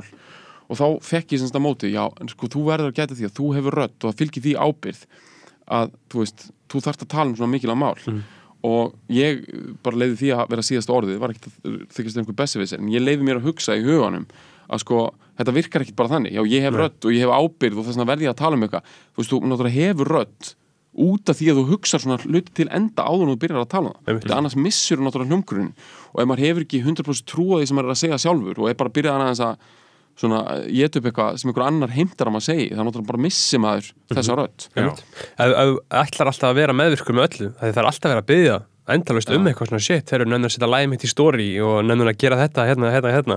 Ef þú ert alltaf meðvirkur með því þá endanum einmitt missur þú röddina. Og þetta er einmitt svolítið eins með þessi áhrifalda, skilur þeir selja hvað sem er hvernig fokkan maður að trúa og maður, og maður, og maður gæti tala við einhvern off record eitthvað, að já, þetta er bara svona þetta borgaði bara svo vel, skilur og fyrir mér er það bara svo basic að það er alltaf einu svona að tala um það sko, þú eru komin út í svona að selja hluti að Einmitt. fá pening fyrir þá náttúrulega þarftu bara að follow the money, já, bara, þú veist, Já. það er verið að tala um þennan hlut út af því að það er verið að borga fyrir það, sko. Hérna, í- þegar ég er að tala um svona sumi sem mál, þá er ég að tala kannski um svona, þú veist, ég er alveg veist, ég, eðlilega, veist, ég vil náttúrulega tala fyrir réttlætið bara eins og allir aðri, en stundum eru hlutir flóknir og það þarf að hugsa á til enda á því. Að þú getur bara verið að fá einhver hópa upp á mótið þér sem að, hérna, sem þú þarft ekki endilega að fá upp á mótið Já, þér, því að einmitt. hlutir eru stuðandi. Já. og þú ætti allavega að klæða hluti í, í annan búning. Mm. hérna, þetta er náttúrulega svo fárlega að tala um alltaf þessa hluti aðeins að nefna dæmin beinlinis en ég bara segja að það er hægt að fá fólk til að tala um og hugsa um hluti til dæmis sem var það orkumál eða, eða auðlindamál og fleira en það þarf þá að maður þarf að vera kreatífur og tala um þau. Já, já, og ég er svo sem alveg samlega því að þú veist, uh, fólk er leið að hálsi fyrir að segja ekki neitt, Mhm. skilur, stundum. Og, og ég get að límynda mér að einmitt, þú ert þarna smá að lendi því, það er svolítið verið að bara hei, hérna, jó, segðu eitthvað um þetta, skilur Mhm. mm ekki vera svona ekki vera svona ragur við það. Uh, og um, það er einmitt, mér finnst það alveg gilt sjónum með að segja bara, já ég, það, það, það er ástæð til þess að ég vandi mig við þetta hérna og það er ástæð til þess að ég hugsa all enda vegna þess að það mun ekkit endilega þjóna málstæðanum að fara eins og allir hinnir uh, 5000 á Twitter að segja hérna, þú veist með eitthvað svona, uh, með eitthvað svona komment skilur, að þetta er, þú veist, að því að það er hægt að nýta röddin öðruvísi, skilur ég held, ég held að það sé alveg gilt, sko. Ég og að, einmitt, þú ert að lista rétt sko, nema fólk reyndar hefur ekkert gengið svo langt að sko augra manni þannig að maður sé eitthvað svona ragur eða þannig, Nei. það er bara svona, þetta er bara eðlileg skoðanaskipti sko. já, en hérna, mér finnst eins og hægt og rólega þá sé þetta samt að ganga upp sko, ég var náttúrulega þú veist eða sko, mér, mér finnst eins og kannski fyrir nokkur mánuð þá var fólk svona að gera kröfu um að ég hefði ákveðna skoðan að vera hluta ákveðna skoðan að mengi og þegar komu hérna kostningar og fleira þá var svona já, en mér finnst eins og að sé svona hægt rólega þá einhvern veginn nefnir að uh, fólk bara ber virðingu fyrir Já. því sem ma- maður sé ein, ein rödd sko Já, já. Ég, ég man eftir þessu, sko, fyrir nokkrum árum þá var ég alltaf að hugsa um ég var ekki alltaf að hugsa um, ég átti eitthvað, samtal um uh, að við vorum að tala um Þórð Snæ, sko Mhm. Þú veist, þá var fólk eitthvað að tala um eitthvað svona, hvað kýs hann? Hvað kýs Þórð Snæ, skilur Mhm. En mér finnst þetta svo algjörlega irrelevant, redundant spurning núna, sko Þú veist, bara, hvernig við ekki drullu saman, skilur Já. Þú veist, það bara skiptir engum máli. Algjörlega og hann er bara force of his own ef maður getur orðað einhvern veginn svo leið sko. Þetta er bara hann er bara búin að bú- búa til sko, það er bara þann hugmyndaheim og, og tengingar og, og fleira í sínu Mhm. málflutningi að sko fólk getur tekið það út af því sem að Já. Og, og sömur hata það, sömur elska það, skilur Já. Já. Aðdánvert að standa í þessu helviti algjörlega, en vitið hvað er samt að segja til þess um hann og, og kannski ekkit allt og marga aðra fjölmjöla menn en samt voru einhverja sko þetta er consistent. Og uh, það er það sem er svo öflugt sko, Mm. Alveg, sama hvað fólki finnst um þetta þá bara, hvað er take þessa á, á þetta? Það kemur, það mun koma, Já, tekið og, mun það, og koma. það, þá hjálpa manni. Þetta er eins og, þú veist, Egil Helgason bloggaði sko uh, nánast í daglega frá því í rauninni fyrir hrun og svo bara gegnum allt hrunið, gegnum allt þetta þessa sósu uh, sem Íslands þjóðfélag var í Já. tíu ár og, og hann er hættur núna allavega í byli og uh, ég meina þetta, fyrir mér hættir þetta að snúast um það hvort að hann hafi rétt fyrir sér eða rámt fyrir sér, þetta byrja bara að vera það að hann er með einhverja sín og einhverja málefnilega vinnu á málefni sem þú getur svolítið svona treyst á að sé consistent take sko. Já, já, og, það er geðvitt Já, það er geðvett og, og hérna, það, að að við, það stundum aðeins að svona tala illa um þessa, þessa take menningu sko, bara hvað er take eitthvað, Twitter sé fullt af takeum, sko take getur verið jákvætt ef þetta er eitthvað svona raunverulega, hérna er bara einhver, einhver skoðun að eiga sér stað sem að er svolítið svona jöfn og konsistenti gegnum. Já, og En- maður getur gengið að einhverju. Þetta er bara eins og að kaupa vöru út í matvörubúð skilur. Þú ferð bara til bónus og kaupir bara okkur hluti. En- ég, ég vil sjá hvað mokkin segir. En, en síðan er það sko allt annað uh, að segja eitthvað uh, hér í þessu podcasti en að. Já, Ég, ég lendi því um daginn, ég uh, uh, tweetaði, uh, ég var að eitthvað svífur að rúf fyrir að, að fjalla ekki um uh, raunveruleika íslenska ungmenna sem þau bara gera ekki, skilur það er bara staðarind og ég notaði þess dæmi um það að það var rappari sem heitir Pop Smoke sem að dó í fyrra og hann uh, á íslenska tónlistan það var með þrjár plötur á top 20 þetta er bara vinsalasti gaur í heiminum. Bara og Rúf hefur aldrei fjallað um hann en eitt svona ég bara svona, ég svona fattaði þetta og hugsaði hm, að því að ég hef sagt þetta miljónsinum en í þessum þætti. Alltaf verið að svíður á Rúf fyrir þetta aftur og aftur af því að þau eru ekki með neitt. Svo Rúf 0 er ekki til En er, lengur. er þetta ekki bara gaggrinni, þú veist, það var eitthvað að svífningar, er þetta ekki Já, ja, gaggrinni er er já, það er Já, rétt. er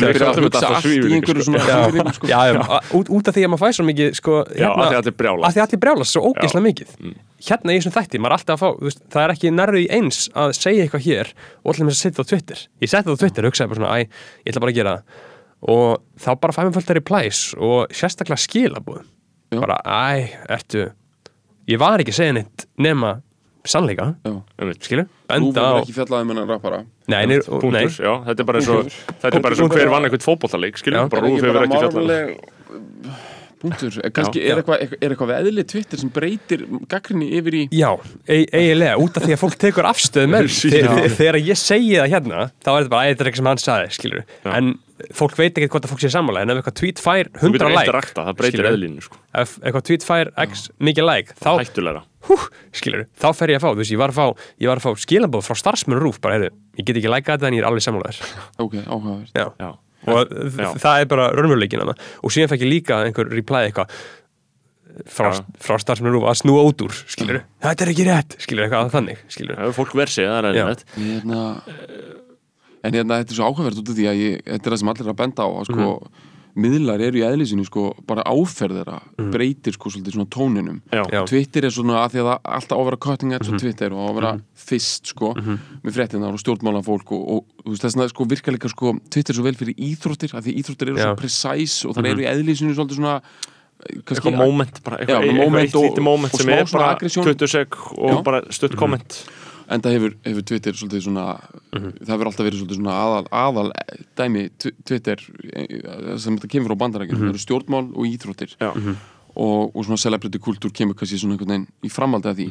Og uh, sömu skilabóð bara virka miklu aggressífari eins og sé vera öskraðu, herra eira þetta miklu nær eins og þú verðir að svara og taka eitthvað teika á þau heldur en ef að þau eru rætt hérna í hlaðarpsþætti sem að reyndar stundum hlaðvarp getur svo sem búið til eitthvað kontroversi líka þegar, þegar það er mjallað áfram sko. Já, en það er, hafið þið ekki svolítið áhuga á þessu? Þessi Jú. svona áferð miðlunar sko. Jú, og, og, Jú, og líka jú. bara hvernig menn geta sko mistúlka eins og ég tweetaði sem rúf og þá fekk ég skila bara, bara já maður, vel gert. Leggja þetta rusl niður.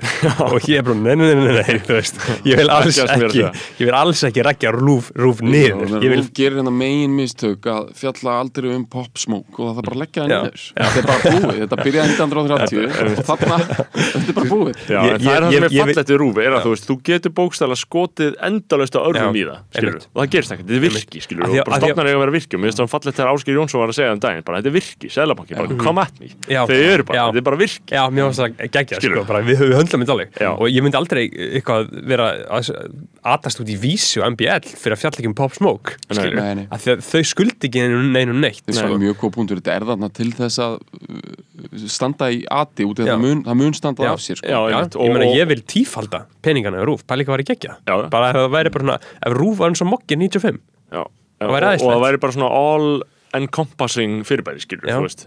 Ef að Rúf bara taka það af auðlýsingamarkaði og bara, uh, þú veist, þrefalda útvarskjaldið það væri stefna, ég skil ekki alveg akkur það er en það er greinilega eitthvað í pólitíkinn sem virkilega þarf að hafa Rúf á Mhm. auðlýsingamarkaði sko, en það er önnur umræða.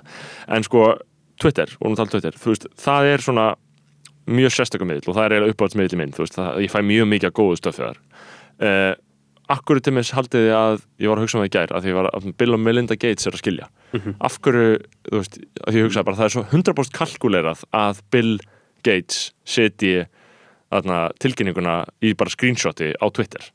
Skiljið hvað við? Screenshot á Twitter. Það, þú getur ekki eins og copy-pasta texta þetta er bara screenshot af texta á Twitter.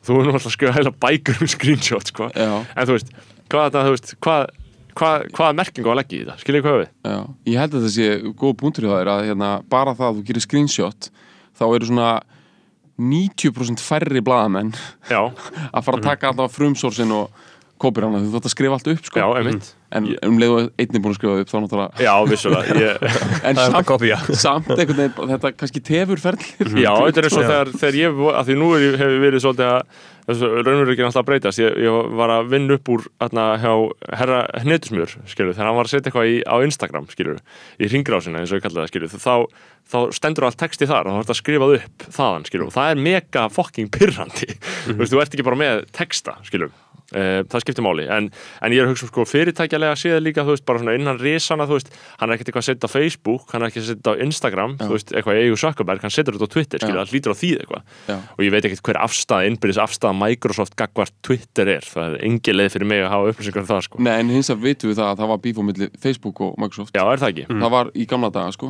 það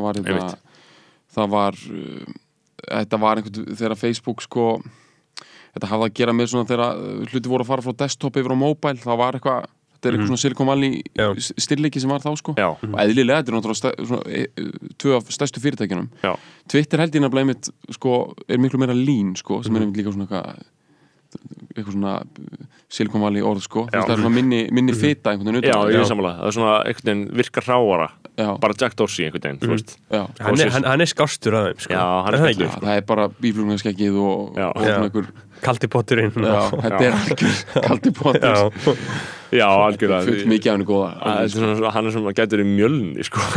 Bandarískir hipsterar sko. Þetta er svo þú veist, þetta er svona þú veist, mér finnst svona Íslendingar geta alveg gengið smá stolti frá borði af þessari hipster menningu að því að veginn það er alveg kalt hérna og þú getur verið smá típa og, með allskegg og einhverju þú veist, einhverju, þú veist gert einhverju jókastellingu upp á einhverju rauni að því að þú veist, það er einhvern veginn Mega smá sens það meika smá sens sko. það er, er ekki það mikill infrastruktúr í þessu landi að sko, þú eigi bara alltaf að vera veist, í kakibuxum og, og keira um á bíl alltaf, skilur, við erum svona by default svona aðeins meiri típur sko. uh, en þú komin út í bandaræskan heimstæri, þú komin í svo miklu, miklu dýpri ásetning, svo Já. miklu meiri lífstíl að þar er bara, þú veist, ef, ef einhver er með hérna heimstæraskekkið og hérna og bara eitthvað beekeeping system í gangi skilur, þá er hann bara mjög líklega bara eitthvað þurrka einhverju sveppi líka, þetta er ekki já akkurat, þetta er ekki, þú veist, er ekkert að, fólk er ekkert að fykta hann Nei, þú getur, þú, þú getur ekki dablað sko.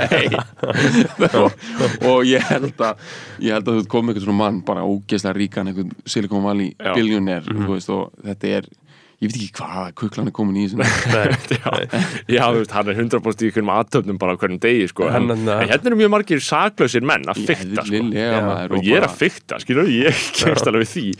Veist, ég er að hugsa um rafhjól og ég er eitthvað svona, en samt tala ítlum hipsterinn líka, skilur, og svífirðan og þú veist, já, 100% það, það, svona, einmitt, getum alveg hoppað á milli og þú veist og mér finnst það bara næstu því fallegt sko. Já. fólk er einmitt bara, þú veist, tölvuforrættar á daginn og svo tekur eitthvað svona mikrobrúður í sessjón og já, og, ég meina, ég sá þú varst að, að tala um annan daginn að þú varst við barbúrjakka, skilur, þú veist, þú, þú átt barbúrjakka, skilur, ég á ekki barbúrjakka, sko. Fór í þetta hérna nýr á, sko, ég er hann í Vesturbænum sko, lappa mikið hófsaldagutuna lappa Mhm. mjög mikið nýr í Vesturbælaug uh, ég var heimaraflega hinum með við hana í gamla Vesturbænum og ég er að mæta mönnum bara í bláum barbúrjakka, ég ætla að Já. taka sko svona smá twist af því að græn er svona default liturinn Já. ég fór í bláan, þá Einmitt. allir gert það sko. Já, það er reynda bara til bláur og grænir þannig að þetta er svona sigur obskjúr já, litur ég, ég, Já. já, svo geysispókin geysir reynda að fara á hausinn því miður en hérna svona geysir Ég- þetta er svona íslenski New Yorker já, bara. ég vil meina að sko hann, sko, geysirpókanar hafi bara risið enn sterkar upp eftir að fyrirtæki Já. fór á hausinn. Áhugaverð eða fór á hausinn, ég held að skiptin kenni til eru coming back, sko, já. Já, Já. og hérna bróskan þeim allsins besta sko. Það er til tvær tegundur af geysirspókum og einn er aðeins mjórri og hann er með svona svörtu neðst og hann er aðeins sjaldgjafari og ég vissum að fólk sem er með hann er alveg svona extra signaling í Já, gangi. en sko hofsaldagatan er inn á örfáðum götum í Reykjavík sem er hérna svona eitthvað sem gæst nálat í eitthvað að vera eitthvað svona boulevard stæl út í það og nú er ég hljómið svo eitthvað svona borgarskipulagsperri sko. En gangstéttinnar eru aðeins breyðar heldur en á flestum götum. Já, einmitt. já. og það munar ekkit miklu, það er bara aðeins breyðar Já, það er alltaf læg að. Einmitt. og, og það er aðeins lengra í að bílarnir keiri það er einhvern veginn eins og Einmitt. gangandi það er mikið sens að labba. Já, Þannig eins að og var líka bara skipulagslegur sko ásetningur borgarinnar þau gerðu þess að gutu bærilega skilur og það tókst, því þeim, þeim tókst að reynda að gera það umdeldu máli veginn að gera gutuna bærilega en það er önnur það, já, Þannig að Hósaldagatan er þessi gata þar sem þú svona mætir samborgunum þínum Mhm. og signalar á móti og nikkar og, og hérna og þar er leikurinn svolítið sko barbúrjakkin og gísisbókin Já, það er Já, þetta- já. þetta er svona eins og, eins og Spiderman mýmið það sem er benda hvort annan já, Já. já, og þú þarft að toppa þetta samt helst með hundi já. og vera svona með hund og, og Ert þú með hund eða? Nei, ég er ekki hund og veist, ég myndi alveg vera til í stundum að eiga hund bara fyrir þessi moment Mhm. en þú veist, get ekki tekið allan lífstinni sem fylgir í sko Það væ- það er náttúrulega ákveðin fullnað sigur að vera með hunda á hósalkötu og barbúrjakka og geysispoka það er fullnaðsigur og, Mhm. og vera að stíma þannig niður á æsju og bara helst klukkan þrjú um dag sko.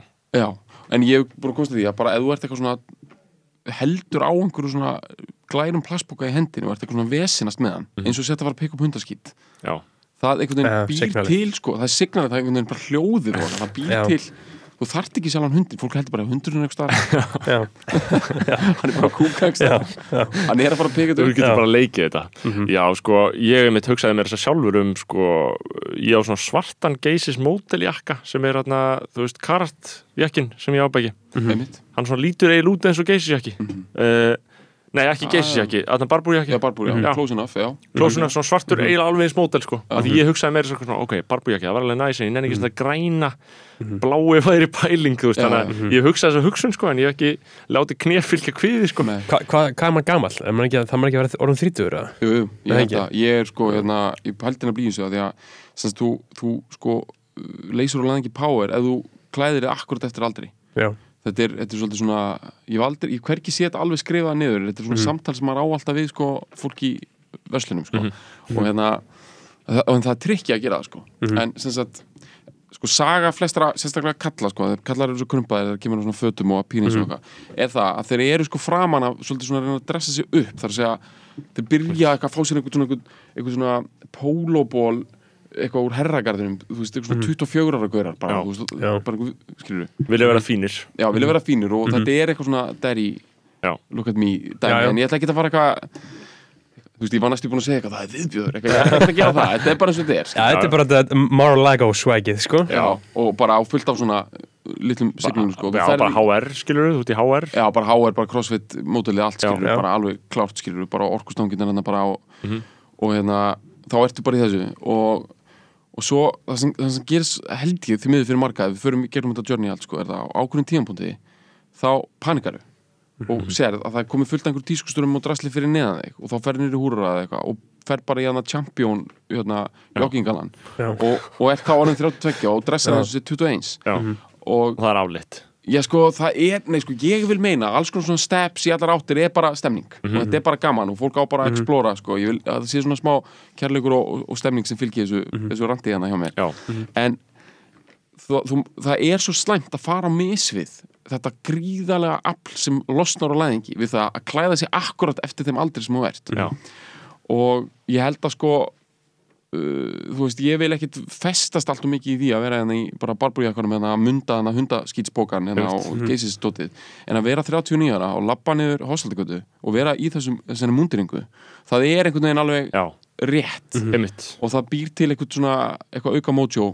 Sem að hérna, svo leiðin þetta fólk fyrir á misvið sko. Já, en ég velti fyrir mig sko, þú veist að því að ég, ég, ég er alveg sammálaðið Já, sko. þetta er svo fyrir hvað sem að tala alvarlega um þetta er svona, en þú veist ég, já, já. Nei, þú veist að því ég hugsa mjög mikið um klæðaburð. Ég hugsa mikið um það hvernig ég á að klæða mig skilur og, og, og ég get alveg ég væri alveg, þú veist ekkert, kemur ekkert óvart ef að bara einhver setti fram þá greiningu að ég væri fann að dressa niður sko, Já, skilur að reyna að vera ungur, ég er 24 ára, ég er nákvæmlega 24 ára skilur, ok.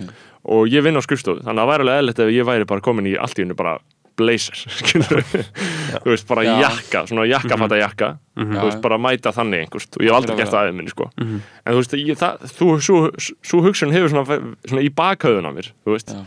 eins og þau voru að segja. Það er svona hefur bara aðeins að gerast þetta, skilur og ég meina hvað, finnst ykkur það tækt eða beggi, þú veist hvað, það verður típist þú að vera á móti því Varst ekki að kaupa jakkafötum daginn? eða? jú, en það voru bara Hugo Boss jakkaföt til þess að útskrifast í, sko Já, já og það er náttúrulega líka alveg sérstætt kallmannar rítúal að kaupa sér jakkaföt fyrir eitthvað Já, eitthva og það er alltaf að eiga einmitt jakkaföt sko, Já. þú ert Já, já, algjörlega Já, um, Þetta er rosa persónumbundið og svona en sko, þú þarft ekki held ég að fara í bla- blazerinn strax. Nei, nei, nei, nei. en hérna, en það, það væri ég er svolítið sammála, það væri ekkit, það er ekkit fáránætt sko, en væri það ekki svolítið að ég að reyna að gera það sem þú varst að tala um, skilur að verða, þú veist að verða, verða kall, að reyna að verða kall.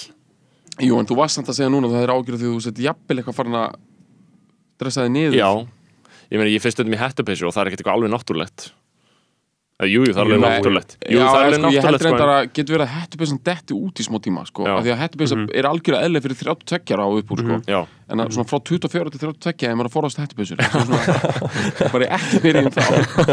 Ég held að- en ég það þeir eru svo stuttur maður bólir jafnvel detta út sko á Já, tímabili. Og svo einmitt. koma það náttúrulega bara aftur að þeir eru stuttur maður bólir sko. Já, já, já, ég, ég ætna, En þetta skiptir máli, ég meina þetta er, við erum það sem og- við klæðum, skilur Þú ert ekki, þú ert alltaf að reyna að kaupa engin föt, Já, já, ég er alltaf bara í, þú veist, bara, svona sinni koma alveg stíl einhverjum svona svona signala sem minnst. Já, er- Jack, Dor Jack Dorsey, hvíti bólur, sko. já, þetta er hérna ég tala svo mikið á ráðstöfnum og hérna hef pælt í því bara hvað er hvað á maður að gera þar eitthvað og hérna og ég veit ekki, ég veit aldrei maður hefur alveg hugsað og ég bara hugsað út frá sko tímaspartna en það væri fínt að vera með signature dot. Mhm. uh, þú veist, ég er ekki að líta á sjálf með eins og eitthvað svona eitthvað, hérna, Steve Jobs típu en það væri bara svo þægilegt, þú ferð alltaf í Já. sömu fötin Já. þú bara vinnu fötin og svo ferðu úr þeim að því þá líka dressar þau upp í og ég pælti þessu líka með uppstandið og svona. Já. en þetta verður einhvern veginn enda alltaf á því að ég er bara alltaf semifín og ef að En- ég, ég, ég er nákvæmlega sem, sem við vandræðum, sko. Já, en þetta, ég- sko, fyrir mér er þetta ekkit vandrarið, það er bara alltaf lægi að taka það er alltaf lægi að taka 20 mínútur í hvert skipti. Það er líka bara ritual og hugsa, já þetta er svona hópur. Þetta verður aðeins fítni heldur um vanalega.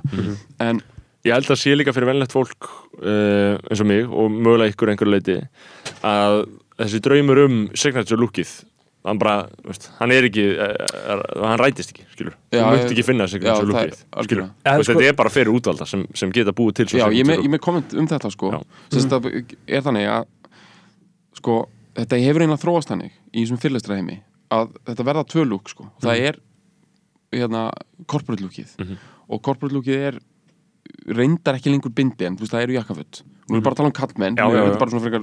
þröng hérna, analýsa á mér þetta Já. er ekkit hérna um, og svo er alternative entrepreneur lookið. En það er orðið staðlað. Og það er það sem er svolítið klikka það er orðið hérna þetta er orðið svolítið svona basic hérna þetta eru strigaskónir og veist, þetta er svona smá Já, og þetta er Patagonia já, Patagonia, jafnvel eitthvað vesti og eða flýspisa já, fer að neyfir sko. Já, og bara úti veist að föt, það er svona, semi.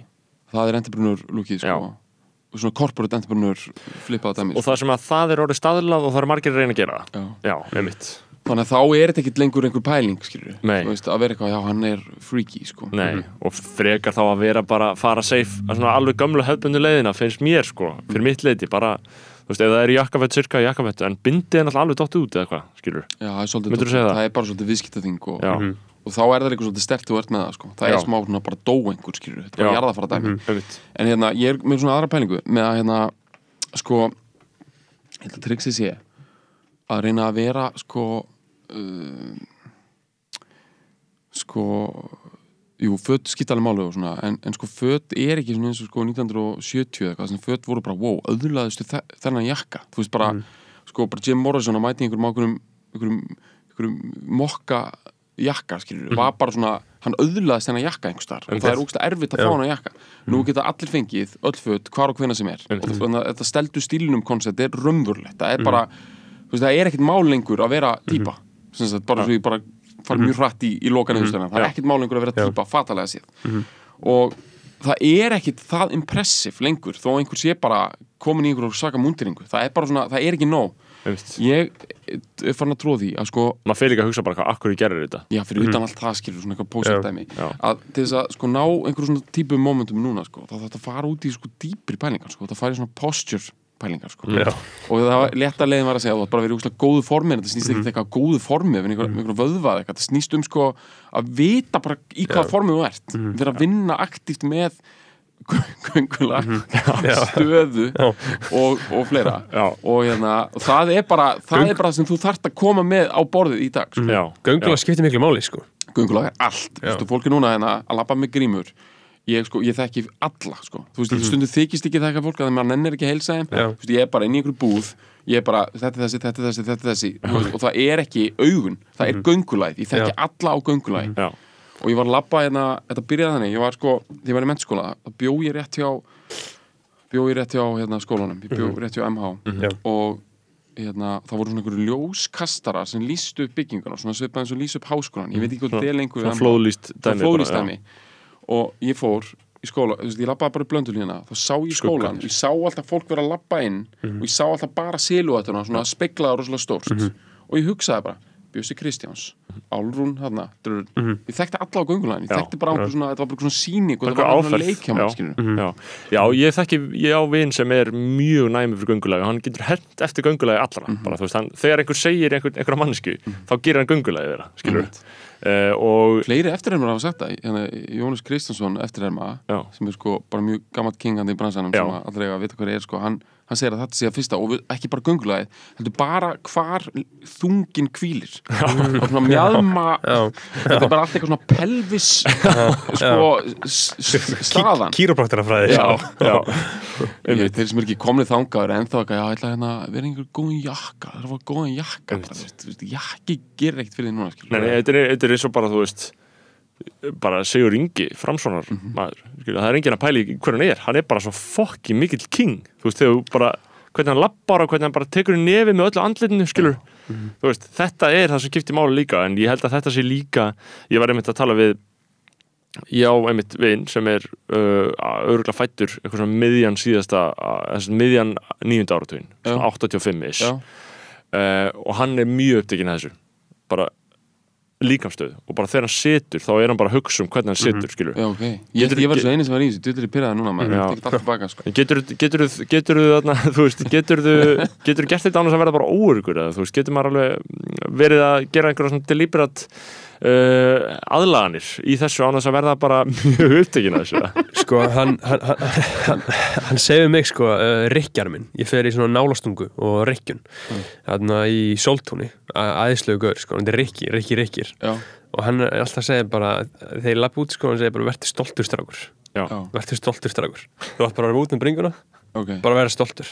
Og hann segir að, þú veist, menn ofgera þetta rosalega mikið. Já, Þú veist, þetta snýst ekki um að íta bringun út Heldur bara að vera stoltur já, Bara svona rétt svo já, ég hugsa Ítum þessi rétt, sko. Eh, Sko, fyrir mér snýst þetta alls ekkit bara um það að vera eitthvað beinn í baki eða kassan útskýrur, þetta snýst um alls konar luti, sko. og þetta er huglegt. Þetta er ótrúlega, þú veist, eins og lemmi, sko, þegar ég var krakki, eða er rauninni unglingur, sko, þá var málið að vera með krippu. Þú veist, og þetta er bara, já, þetta er indie hönsið, sko. Já, já, Og hérna, já, algjörlega, ég meina, þú veist, ógeslegt sko.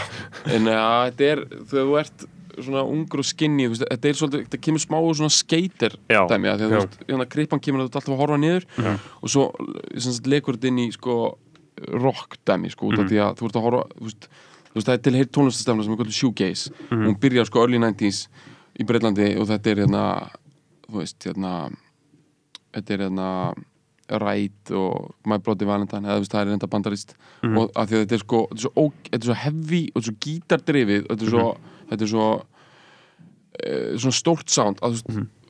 þú horfir bara niður allan tíma þetta er kallað sjúkjast að þú virðir fyrir þér skóin Skóna, já. skótin eru bara, skilur, einhver, einhver konvers eða, eða einhver svona þú veist, ég er bara einhver skateskór svona, Einhver Osiris skór já, bara vans.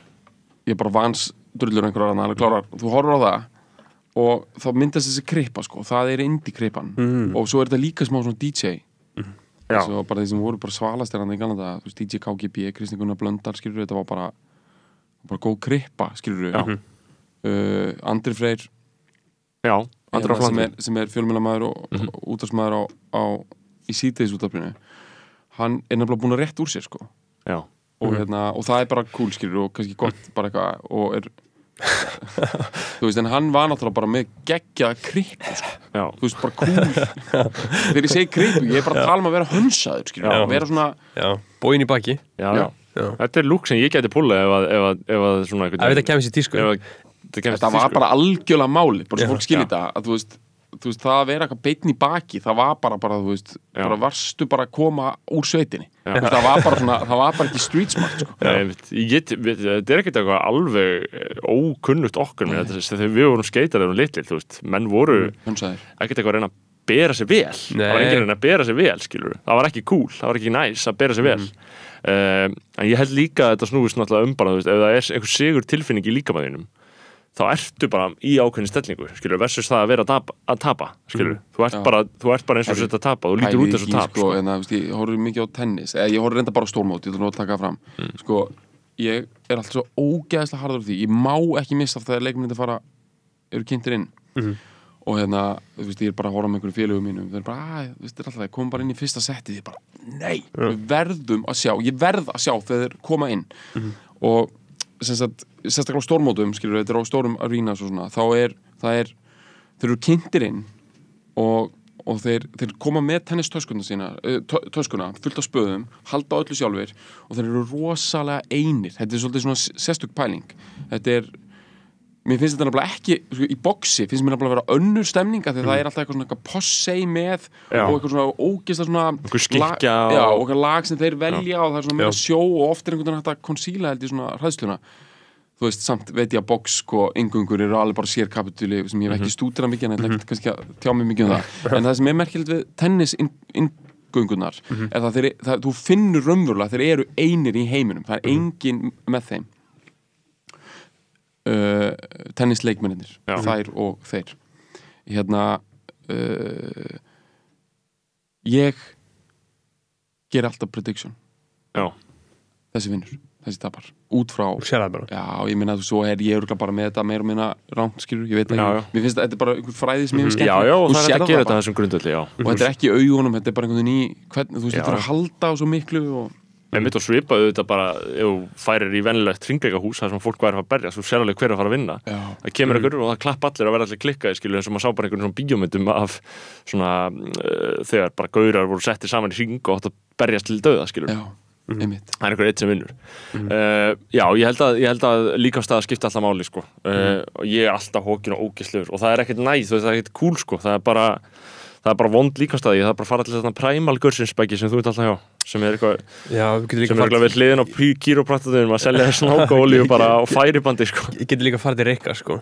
Ég fór til hérna Ég fór til hérna læknis út af hérna svona bakkjæftæði sko. Og hann hérna svona áhugaverð það sem hann sagði. Hann sagði sko ég byrjaði eitthvað svona að reyna eitthvað príjemtið það því þú veist svo leiðin þetta að láta skamma sig ég sagði, Mhm. já, ég, ég veit ég þarf að vera meira bitn í baki. Já. Og hann bara horfði á mig og hann bara, bitn í baki Mhm. Akkur. og ég bara, er það ekki það sem hann á að vera? Jú, eða finnst það gott. Eða finnst það gott bara að liggja, þá bara liggur Mhm. eða finnst gott bara að sitja eins og þú situr núna og ég var bara alveg einhvern veginn flatur, þá bara situr þú þannig. Mhm. þú gerir bara það sem þið finnst stæðild að gera. Þú veist, Já, er það er Nei, eitthvað og svo, svo hjælt hann smá rand sem hann greinlega við tekið marga. Hann segir, sko Homo sapiens Þetta er svona, eitthvað svona þetta, núna Já. er konið svo típist svona podcast Já. umræðu kjaftaði, sko. Tala um hunter-gatherers og Já, en hann hins vegar, nei, hann nefnilega fór nefnilega gegn því. Þess vegna Já. finnst mér gaman að segja frá sér. Hann segir, Homo sapiens er ekki hannaði fyrir neitt. Já. hérna, við erum eigum ekkert að vera til. Hérna, ven, svona meðastórt spendin eins og við ætti að vera dögt 28 ára skilur við við erum einhvern veginn búin að cheat the odds búin að gera eitthvað eitthva rugglina með einhverjum pillunum og dóti. Þannig að allt eftir 28 ári bara bónus bara gera það sem þú vilt. Já, bara ligðu, sittu, eitthvað þú ert ekki hannaði fyrir neitt lengur. Þú ert bara það er ekki, það er ekki til neinn lífræn uppskrift að því hvernig þú ættir að vera skilur, þú átt ekki eins og að vera og ég hef oft pælt í þessu og þess að sko, mér finnst einmitt alltaf mest að kjafta í heiminum þegar sko fólk þetta er eina stóra hérna statementi sem ég ætla að koma með svona stóra. Þegar það er, kemur þessi hugmyndu það að það sé, hafi verið til eitthvað ótrúlega langur prehistoric tími þar sem að allt er eðlilegt og, og við séum alltaf einhvern veginn að beigja út frá því og eigum einhvern veginn að haga okkur út frá einhverju hönnunarferli sem við vorum hönnuð fyrir. Mér finnst það bara vera í grunninn eh, bara vittlisa og þú getur réttlætt allt. Þú getur réttlætt stórkostlegt ofbeldi í fyrsta lagi mm. að þú veist, við erum bara hérna Já, já. samfélag með ákveðna siði og venjur og fleira sem við þurfum bara að taka ábyrð á að er okkar verk Mhm. og þegar þú vísar í hluti eitthvað já, en ég meina náttúrulega, þú veist, þá áttu bara komin út í eitthvað svona, já, og hvað þá á. Já. bara útrýma Já. þessum að því að hann Já. er ekki náttúrulega í lægi og það er bara mjög stutt í Já. mikla grimt, sko E- enga, enga svona, enga naturalisma það er punkturinn E, Já, allavega, þú veist, svona Já, þetta er allavega það er sömu rauk voru notuð til þess að fara í einhver svona, einhver þægilega lífstíls aðlaganir eru bara sömu rauk voru notuð í bara helfurinni já, bara pólitískum Já. tilgangi, skulum við segja Já. Já, allt þetta, allt þetta dót við vorum að tala um þarna eftir þessu stóru yfirlýsingar og við mm. fara aftur í sko málmála þú voru að tala með við sko uh, þú ert á ráðstefnum uh, fólk er í jakkafötum Mhm. þú veist þarna uh, þinn vettvangur er að um, sumuleiti bara svona ársótt í Arjónbanka skilur þú veist. Þetta er eitthvað sem þú já, starfstagar þetta er eitthvað þú veist, þú ert öllum hnútum kunnugur í Mhm. á þessum vettvangi sem er bara starfstagur, þú veist, Advania bara Mhm. Arjónbanki, Landsbanki, Íslandsbanki er þetta ekki bara stóru businessatnið þínir, þú veist, bara svona að mörgu leiti, Jú, fyrir, fyrir ykkur uppistandarana, skilur, því að Jakob Birgisson er vinur minn, skilur, hann er bara í þessu hakki, skilur Já, uh, já ég held að vera að tala núna um fyrirlestrana sko. Já, en líka uppistandið uppistandið, mitt kannski er líka ásattíðin sko. Við einmitt. svona verða að færast kannski svolítið líka yfir í fyrirlestrana það, þá kannski meira svona uh, hérna hvað segir maður, vinnutíma já, dót sko. Einmitt, og það hlýtur að vera aðeins bærilegra og meira næs að gera það, ég get fyrirlestra, sagt eitt, bara svona sem að sé jákvæðar því ég, ég var nú í tónlist aðeins án ég fór í uppstand. Já. Svo þú veist það, uppstandarar, við getum ekki kvartað neitt og hérna uh, jafnvel þó, segjum sem svo að maður sé ásattíð uh, maður alltaf maður er, síðustu skipin sem maður er að taka uppstand eru tíu á kvöldin. Mhm, uh, tónlistafólk, það þarf að mæta það þarf ofta að mæta við daginn gera soundcheck, svo mætir það aftur og spila sko, sérstaklega ef þetta er hljómsett og að spila eitthvað, þú veist, ég meina þá er ekkert verið að telja fyrir upp á 12 Mhm. og þú og þú ert að róta og þú ert komin heim kljóðan fjögur það er raunverulega ekki fjölskyldufant dæmi Og þú ert líka að reyða á fullt öðru fólki Já. Meina sem grínist út bara einn, ekki? Jú, og ég meina auðvitað getur þetta, þú veist, auðvitað en ég er bara svona að segja, sko, sérstaklega ef maður er að gera eitthvað já, þetta er bara ég hvart ekki en, en svona umhverfi, ég meina bara, þú veist ársáttíðir, þú veist, að að það, er ekki markaði fyrir svona stórum sjóum. Ég meina, með Íslandi tókst það mjög oft Mm. að vera með svona stór sjó byrja háskóla og kvöldið kvöld og það er ýmsum og tekist líka bara í þjóðlíkuskjaldaranum sko, það var alveg nóg stórt sko. Já. ég myndi alveg hérna en það er ekki alveg hægt að, þú veist, það, það lætur enginn duga að lifa bara á því, fólk er alltaf að geggum líka, skilur er það ekki, svona yfirleitt. Jú, alltaf ekki, alltaf ekki. Ég er bara að veltaði fyrir mig skilu að lifa við gig-veruleikan skilu, það er bæði tónlistamenn og uh, uppistandarar og svo framvegis bara sem uh, eru þá alltaf á svona alls konar skrítum stöðum skilu eins og maður hefur heilt bara á þú veist, Jakobi, hann er bara einhver hestamannamóti í Moselsbæ og svo allt í hennu í Uh, á, þú veist, einhvern veginn var hann einhver svona tvískiptir í bankaháttíð þú veist, þú veist, að banka, banka ársáttíðir á mörgum venjum, sko, þú veist, Já. það sem þetta er bara orðið fyrir eitthvað svona, þú veist það sem ég eitthvað svona að reyna að koma að örgulega er líka bara að skemmtarabransan á Íslandi er svo rosalega mikið fyrirtækin skilur, þetta er ekki jafn Já, mikið entertainment business, skilur, þetta er rosalega mikið fyrirtækin. Ekki spurning þetta er svolítið sérstakur veruleiki, það ekki? Jú, en þetta er svona í útlöndum líka Já. corporate world sko. Já, og það er hérna þú veist sko, í svona stærri samfélögum eða bara eins og Breitlandi sko, þá er þetta svolítið í deildum sko, þú ert fyrst á klúbum, svona litum klúbum það sem er eiginlega engir aðrir að fara að horfa á þeim aðrir komítiðan sem vilja líka fá 500 og það er svolítið svona erfitt að komast upp úr því sko. Mhm. einhverju geta kannski byrjað beint í einhverju öðru en þú ferð ekki inn í svona þetta corporate fyrir þú byrjar að vera kannski aðeins í fjölmjölum aðeins í sjónvarpi. Þannig að við getum bara verið svolítið þakklátt fyrir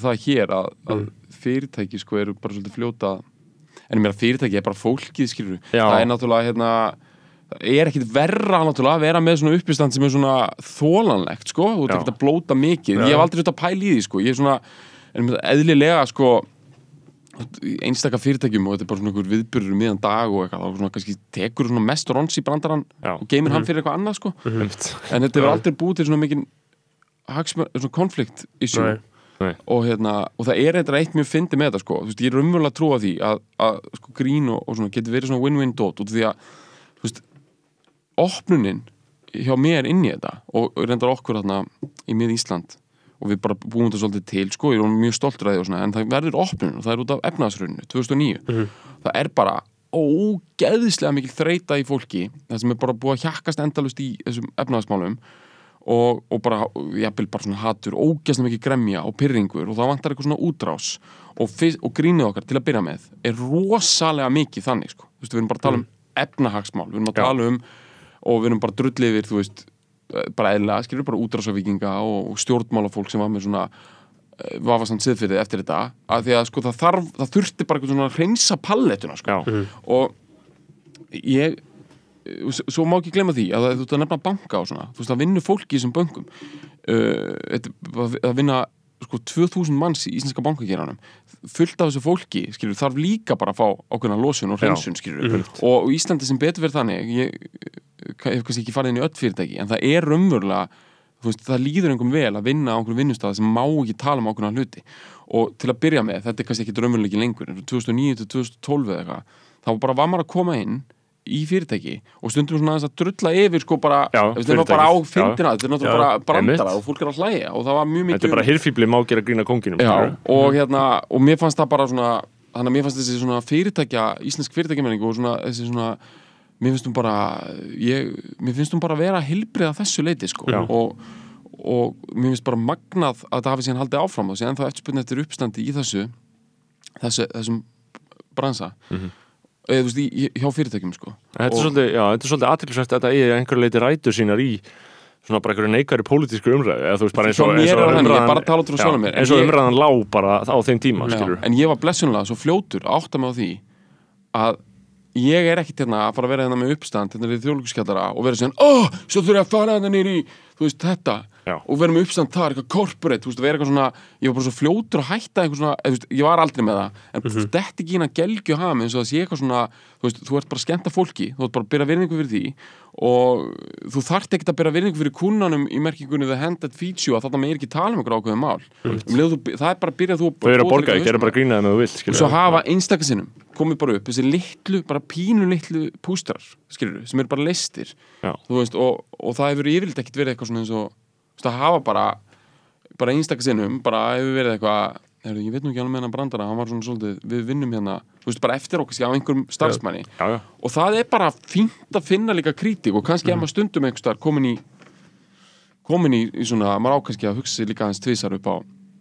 En ég, ég hef bara að reyna að hugsa þetta alltaf frá svona hvað kallar maður það, svona bottom up, þú veist, þetta er Já. fólk þú veist bara, þú veist bara og, og fyrir mér er þetta líka bara, þetta er bara sko, þetta er vinna fyrir fólkið, þetta er bara sinna fólkinu, já, fólkið bara það er bara leiðin, veist, þetta er sko veist, ég hef alveg verið hann að hinum en, ég hef alveg unnið í fyrirtæki og verið einhverju hérna, einhverjum ásatíðum og þú veist, eða bara einhverjum starfstögum og fyrir mér er þetta bara hérna þú veist, þú veist bara að veita lík. Þú veist Já. bara að koma hann inn og, og ég er stundum þú veist, að ég er, ég er ekkert að mæla gigg eitthvað eftir því hvort að ég, mér líði eins og einhverju kongi þau eru búin eða eitthvað. Ég meta miklu frekar þannig, ef ég er gjörsanlega búin á því og er bara svona bara hakkaður eftir þetta skilur, það var bara ógeðslega mikið álag þá ertu búin að vinna vinnuna Já. já. já, ég var bara ásett í árvakur sem heitum árið, 2019 eða eitthvað. Bara svona lítilát ársáttíð og Simmi Vill var held hann að vera annarkvort veslustjóri eða bara uppistandari, eitthvað svona blanda og það var, ég held að hann bara verið viststjóri 2019 sko og þarna ársótti Smá árvökus svona pre-fame eða ekki? Pre-fame, pre- pre, pre- svona pre svona endurís upprisa, að vil, þetta var bara svona það sem ég vil og ég var bara? Simmi Bara- Vil var frægasti maður á Íslandi árið 2002 Já. og það er ekkert grín og þau tala mér svo um það sko, hann og, og Jói sérstaklega þegar. Jói er svona er svona, svolítið svona kannski svona hæglatari já. að sko hversu fræðið þið voru þeir tala um þetta næstu á svona komiskan hátt þeir Já. voru bara frægustu menn á Íslandi þegar af eftir tvö Idolum, já. á Idolum var já. ja, galinn saga sko Mhm. mm svo náttúrulega bara fer hann í ekki lægð, hann bara fer að gera eitthvað annað og fer bara í rekstur og bara er, Mhm. er bara big business eða svona, reyndar small business Eh, millistór fyrirtæki Já, ge- geðveitt skæm í gangi þarna með að, að styrkja litlu fyrirtækin sko, mm en hvað með það uh, og hann þarna er uppstandari á ásastíðinni skilja, eða veistustjóri eða eitthvað. Og, hann, og einmitt ég var eitthvað svona, já, what the fuck maður sem við vilja bara bara gleyma hann, skilja, þegar hann kemur. Og allir, þú veist, voru PC eitthvað hm, nei, mér finnst það ekki fyndið, hann var að gera grína bara völu matti eða eitthvað, skilur þú veist, og og þarna, ég hafði mjög gaman að sem að vil. Uh, og hann var bara þarna til þess að losa orkuna, hann var bara mjög mikið að gera grín að mokkan, skilur og, og mér finnst það bara, það, það er bara nákvæmlega það sem þurfti á það, skilur, af því að það seg, þú veist, á stöðum þar sem fólk segir ekkert allt, skilur og sérstaklega í svona einhver blaðmenn allir er svo troubled, þú veist, blaðmenn bara að staðaldri eru eiga erfitt með og það myndast spennur alls þar og losa eins um spennur, sko, og ég held að það sé bara mjög góður að gælda verðt, sko, bara sem sem uppisandur og það, það er ákveðið svona göfull hlutverk af vissuleiti, sko. Já, maður svona, veist, ég djóka með það þegar ég kalla það göfugt sko. Þetta er göfugu vinna af því að maður skilur en það er svo rosalegt orð að nota sko. Já, en ég, hins ég ber mjög mikla virðingu fyrir því starfi Mm. og, og bara er, er hérna, ég veit þetta er bara svona klísi að þú veist, finnast að maður vera svona smá heppin sko. að veginn, en, en ég líka bara reyni aktíft að sinna því sko Já. og tala bara um það að virðingu og kunnana að virðingu og, og hérna og bara, og allt fólkið skilur bara, og, veist, að, ég trúi því nefnilega og ég veit að ég er ekki Hollywood stórstjarnar hérna sem að sko eitthvað á að vera að flytja einhverju svona uh, pisla hérna, en ég trúi því að sko smá þú missir fókusin smá og byrjar eitthvað svona þú veist, bara eitthvað svona að djóka veist, eitthvað svona, vera búin í bíl já, já, já, á það manna að fara drullað einhverju kjæftæði hérna yfir þessu söðunut, eitthvað svona, þú veist, ef maður bara leifir sér aðeins eitthvað svona Einmitt. þú veist, það, og byrjar að gera þetta einhver ritual, sko, þá held ég held að sé ekki málið, sko. Nei, og þau munu sjá það, sko, á endanum, skilur ég held að þetta er líka bara svona Sest í þig, einhvern veginn. Já, það sest í mann einhver svona hugmyndum það bara að vinna mann sé eitthvað svona þess vegna meiri segja þá bara, ég kalla til þess að vinna ekki hark bara sem dæmi, það er oft svona eitthvað og ég veit alveg að hark þýðir bara svona þegar þú ert að púsla saman giggum sko, þannig bara svona gig economy hugtak sko, en mér finnst bara orðið hark bara gefa til kynna eins og það sé svona eins og það sé eitthvað svona að þú viljir komast eitthvað annað sko. Já, og ég, hérna, ég vil það nefnilega ekki. Ég vil, sko ég vil náttúrulega, ég, og og sinni alls konar hlutum, en þessi hugmyndu það að hafa mögulegan á því að geta komið og vera með uppstand og fyrirlestra og hafa þessa rödd sem við erum aðeins búin að tala um og svona ég, hún verður náttúrulega bara mismikil og svona gegnum tíðina, en ég vil bara alls ekki hugsa um það sem eitthvað skref í áttina að einhverju öðru. Svo verði ég meit og ég verði hérna einhver CEO í einhverju kastala og bara koma mm. me. Ég vil bara alltaf geta verið approachable og komið svona inn. Bara eins lengi og maður lifir sko. Já, það er bara það er örgulega mjög mikil veisla, sko, að takast það Já, Eh, af því að maður einmitt, þetta er einmitt íslenska uh, dæmi að maður, það er alltaf, út alltaf að leiðin eitthvað annað, sko. Já. Út alltaf, þú veist, það, það er engin eins og Ricky G að vinna á FM í 20 ár með þann draum að fá að vera top dog á FM og hún tókst það, skiljið. Það er alltaf allt, ég ætla að taka þetta um tvö ár og svo ég þetta. Já. Þannig að, þú veist, góð, maður er bara, ég veist, ég veit ekki, kannski hljómar þetta eins og eitthvað svona einhver núvitundar ræða hérna hjá mér sko, en hjá mér er þetta náttúrulega, ég bara tala svona persónlega sko, að ég, ég bara, ég fæ bara frekar mikið eh, ég fæ nóg út úr því sem ég er að gera sko, og svo er maður bara, svo held ég maður þurfi bara að vera með drauma sko, til þess að svona halda sér svolítið gangandi líka, en hérna en ég bara einhvern veginn hef svona passað mig líka á því að vera ekki svona oh, here we go, Já. mér finnst þetta líka ég náðu líka, þú veist, í þessu, sko, þessu fyrirlestradóti, þú veist, ég er hérna ég er alltaf að læra eitthvað nýtt, sko. Ég bara, mm. það er aðeins svona lágstemdara dóta sem er svona oft svona smá spjall við fólk og ég fyrir Já. þessu mörg fyrirtæki og ég er bara alltaf einhvern veginn að komast að einhverju nýju, sko. Ég bara, hérna ég, hérna þú veist, þú að máli segja frá sömu, skilur, þú veist, eins og þessi, þessi, þessi pælingi með það hvernig vinnustæðir breytast og, þú veist, og hérna, fólk er svona flæðandi á milli einhverju rýma og eitthvað, þú veist. Fólk er oft svolítið svona spennt að segja mér frá því að ég er stundum að tala um svona framtíð og framtíð vinnustæðar og eitthvað svo leiðis og það er alltaf að koma mér og á óvart hversu advanced hlutir eru orðnir. Já. og, og í samskiptum og í hvað ferlavæðingu og tölvukerfum og maður er bara svona já, fólk er raunverulega já, að gera þetta sko. já, einmitt, og, og, og það eru breytingar að verða skilur Mm. og, og ég held að ég var einmitt, eh, eitthvað að lesa um uh, einhverja breytingar í seðlabankanum þar sem að fólk er að breyta einhvern skrifstofu rýmum og eitthvað svona gera vinnustæðina bærilega svo líka umræðin í COVID um að þetta væri svo frábært að þið núna þyrftu aldrei lengur að vera á skrifstofum heldur bara allir heima á sér sem alltaf gjörsanlega ófullkomin pæling sko Mhm. uh, af því að það er mjög gaman að vera á skrifstofu ef það er veistla Mhm. uh, og þetta er algjörlega þetta já, er bara það sem að held, ég, er ekki að djóka Nei, nei, þetta bara heldur fólki lifandi sko. Uh, og bara komast út af heimilisinu sko. Mhm. Þú veist, bara heimili er bara að mínum að þetta er bara til þess að fara út á morgnana og koma aftur heima á daginn sko. Já, en það er bara formúla sem hefur virkað sko. Já, það er bara, það er bara formúla sem- sko. bara 9-5, bara frábært dæmi bara fara út, fara á faratæki, fara í vinnu koma aftur heim, geðveitt uh, ég held að það muni bara strax kikka alveg 100% inn eftir þetta COVID-rast sko. um, en já, þú varst, Nefna á fyrirtækjum sem að elska sparnaðin svo mikið. Já, Þú var að lesa hana einhverju grein um það að, þú veist það er bara, það er ekkert grína þessi stóru fyrirtæki út í heimi sko. Þú til dæmis, hvaða fyrirtæki var það sem var að senda það var einhverju reisastór banki, global banki sem var að senda allar svona call center þú veist, þú voru bara að loka því. Já, sjá bara, heyrðu, nú getum við bara leikt þetta rými út í eitthvað annað og fólk var bara að ringa sér símtöl heima á sér. Látum við bara halda áfram að gera það. Borgum við léli laun og þau fá ekki eins og að koma hérna og fá okkar mötunetti og það hversu fokkinlega þetta er að vera í call center vinnu heima hjá þér.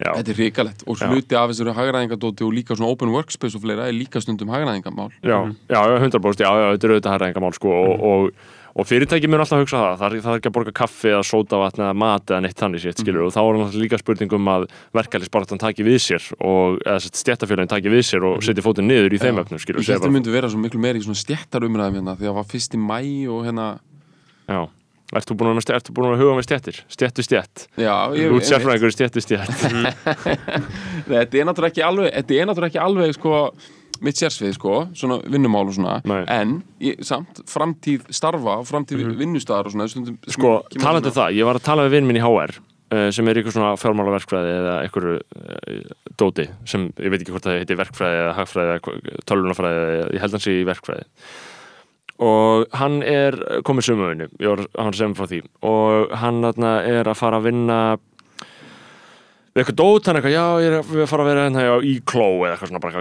heiti bara eitthvað kjæftæði, þetta heiti, það er ekki nafnið sko, uh, hjá frænda minnum eða eitthvað, er, þau eru, og ég er eitthvað hvað er að gera, þau eru að, við erum bara að svona búið til svona ferla, ein, einfalda ferla hjá fyrirtækjum. Uh, við erum að, þú veist, svona automatisera svona alls konar flókna ferla bara hjá vinnustöðum mm. og ég eitthvað svona, já, ok og, og ég eitthvað svona, já,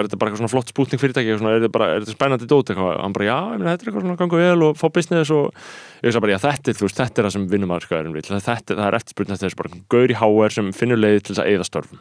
Þú veist, það er bara, það er bara flottast sem þú getur gert núna í business er bara að eyða störfum, það er bara, þetta er bara, við viljum þig. Og ég hugsaði bara, já, næs, þú veist, við verðum að koma á borgarlaunum og stoppa auðsöfnunina uppi, skilur, af því að þau munu eða öllum störfunum. Og við munum ekki hafa neitt, neitt hlutverk ef við eigum Við ekki erum alltaf peninga að hugsa mjög krítist um þetta Já. Mhm. mjög mikið af því sem að er digitalisering Já. Mhm. og, og hérna stafræn vegferð og alls konar er náttúrulega mun leiða til þess að, að fólk hefur ekki vinnu og þurfum að bera virðingu fyrir fólki í, í grunninn en hins vegar náttúrulega viljum við heldur ekki að fólk vinni vinni tilgangslös endurtekningu sem störf sko, það er Mhm. náttúrulega líka ákveðin vannvinning við manneskjuna Já, en þetta er bara, þetta er bara risastórt hérna, umfyllunarefni sem að sko á að vera rætt stjórnmálum og, og víðar og líka af stjættarfélögum og í stjættarsamingi já, ég hef alveg ég trúi því alveg að sko sko, nei, þetta er náttúrulega kannski of stór hugmynd að byrja sko, en þú veist náttúrulega hugmynd okkar stjættar basering sko, verður til eftir einbildinguna og stjórnmálakerfið allt saman er, þú veist, þetta er systemin sem við búum við núna. Mhm. einhverju myndu kannski halda því fram að þessi bylting sem er að verða núna þessi digitalisering sem er að eiga sér stað sé bara jafn stór og einbildingin þetta Já. sé bara útvistun á, á, á hugsun okkar eins og, eins og, eins og hérna, einbildingin var út, útvistun á vöðvafli okkar. Við séum bara raunverulega að láta bara tæki hugsa fyrir okkur sem Já. allar Já. hugsandi Mhm. störf. Þar á meðan starf blaðama eins og ég veit ekki hvað, hvað þýðenda og ég veit ekki hvað, verður gerfi greinda bráð og svona. Ef þetta er það stórt, þá getur vel verið að þú þú veist, ég- stéttir verða til en það verður bara, þú veist, það þarf að hugsa samt system upp og nýtt og Já, líka. Bara eins og við vorum bara með bara lénskerfi hérna fyrir skilur Já. fjórumöldum það verður bara til eitthvað nýtt. Og kannski er það með þess að einhvern veginn byrjað að mótast Já. einhvern leiti og við erum, ég ég held að við getum alveg haldið fram að sem byrjaði að mótast að því leiti að það er til tækni ofurstjætt þú veist, sem bókstala ræður bara lo- lofum og lögum í bandaríkjunum. Fullkomlega ræður og ræður ég, þar með í algjörlega. heiminum þú veist, og er og, og, og það er ekki að ná í þau eins og þú, Bergur, talar um í þáttunum þú átt að rengi lögguna þegar Facebook lokar á þig skilur þau stjórna, þau- þau, þau eru eru yfir þetta hafin skilur, Þau eru eru yfir kærun okkar hafin. þau er ekki með uh, customer service. Maður lendir alltaf á vél. Já. mér finnst það magna og þau hafa öll ákveð í samráð að hafa ekki manneski vinnu sem þú getur náði ég man þegar maður var lítill og var að spila tölvuleiki eða eitthvað sem var að spila WoW maður maður maður gat alltaf ringt í Blizzard Já. Já. skilur, maður gat alltaf ringt Já.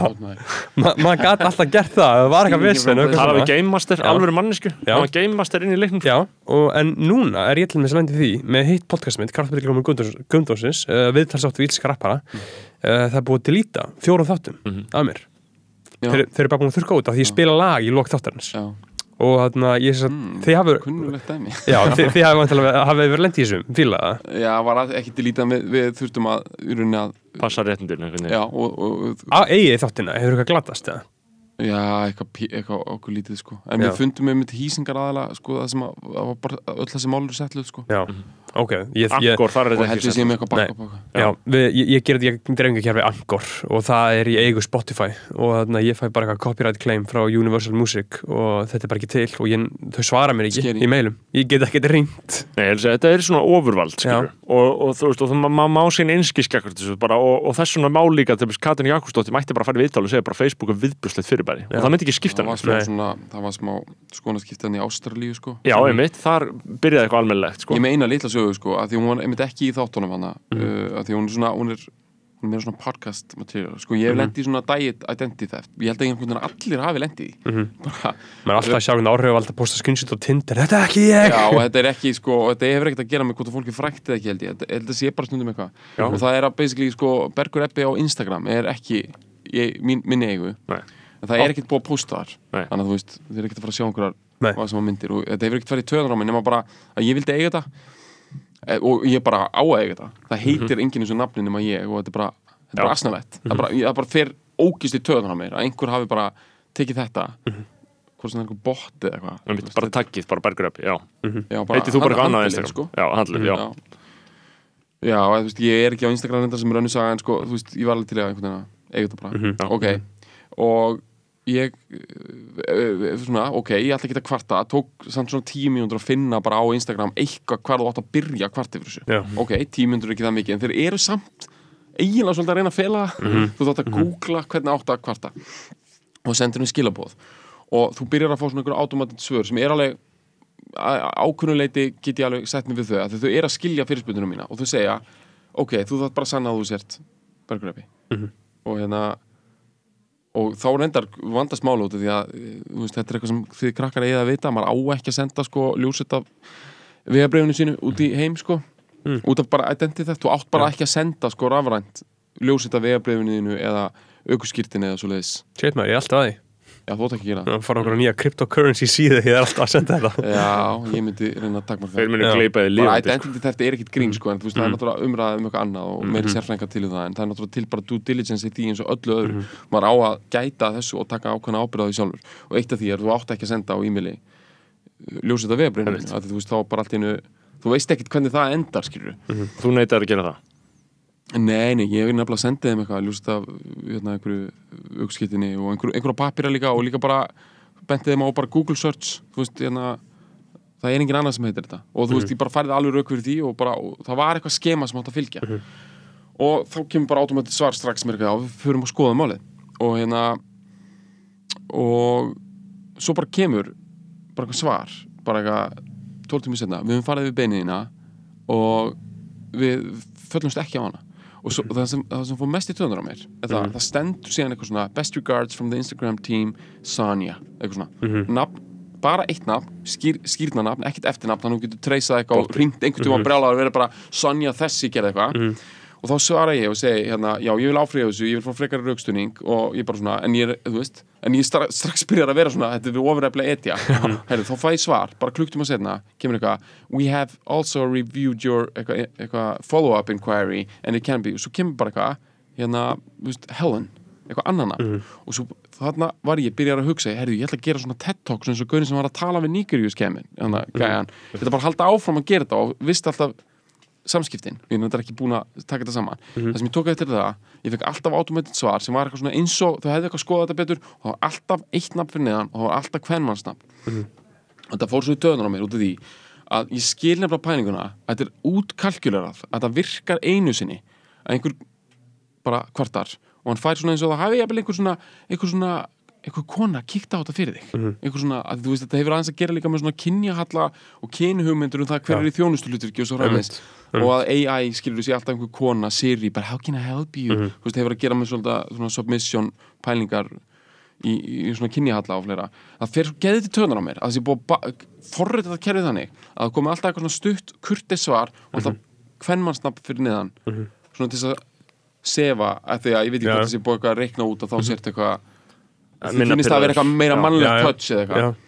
Mér finnst það bara að vera svona að hafa einhverja smá innbyggða mm kvennfyrirlitningu Já. mér finnst það að vera Já, bara já.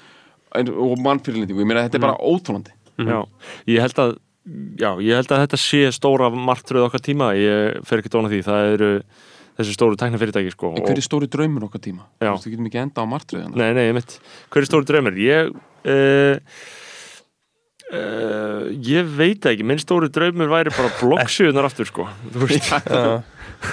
Stóru draumur er það ekki bara, þú veist að Vá maður að bróta upp þessi stekni fyrirtæki Er það ekki? Vá, hversu patt Það er draumurinn Við okkar. erum svo mikið búin að tapa og það er draumurinn okkar sko.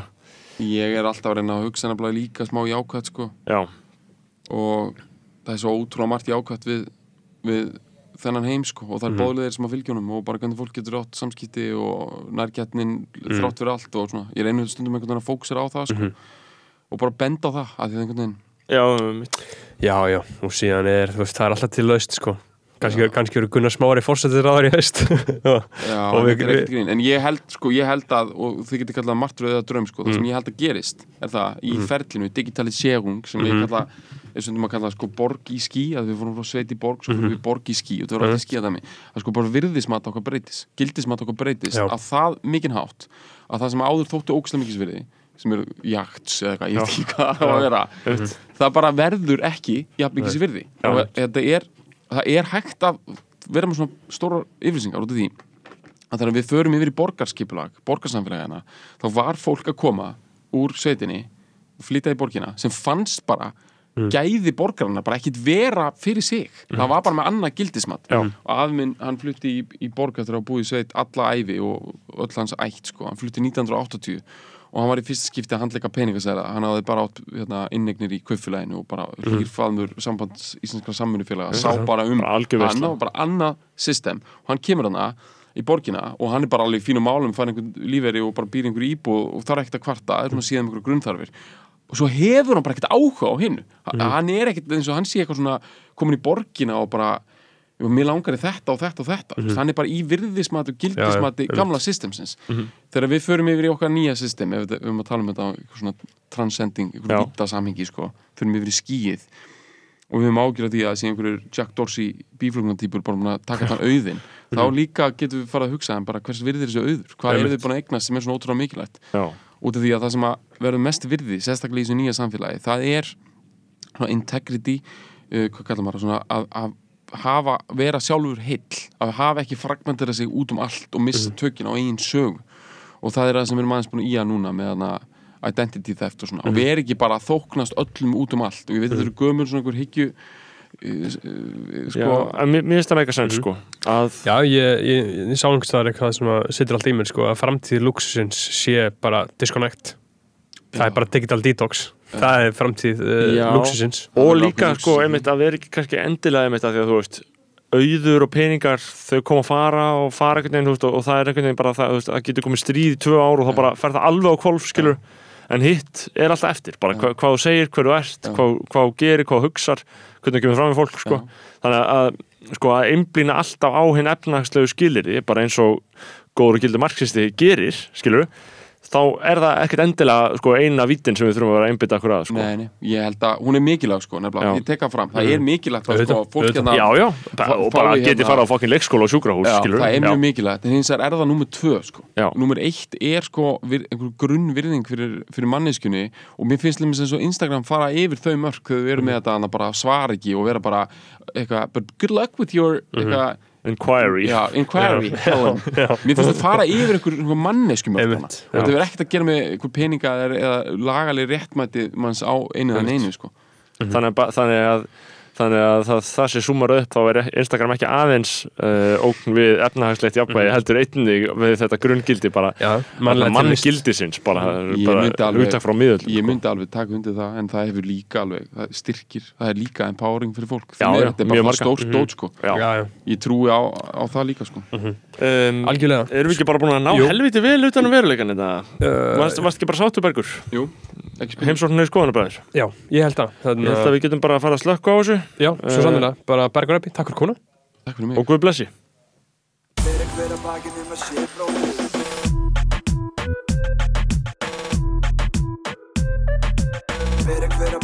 að sé bróðir eigi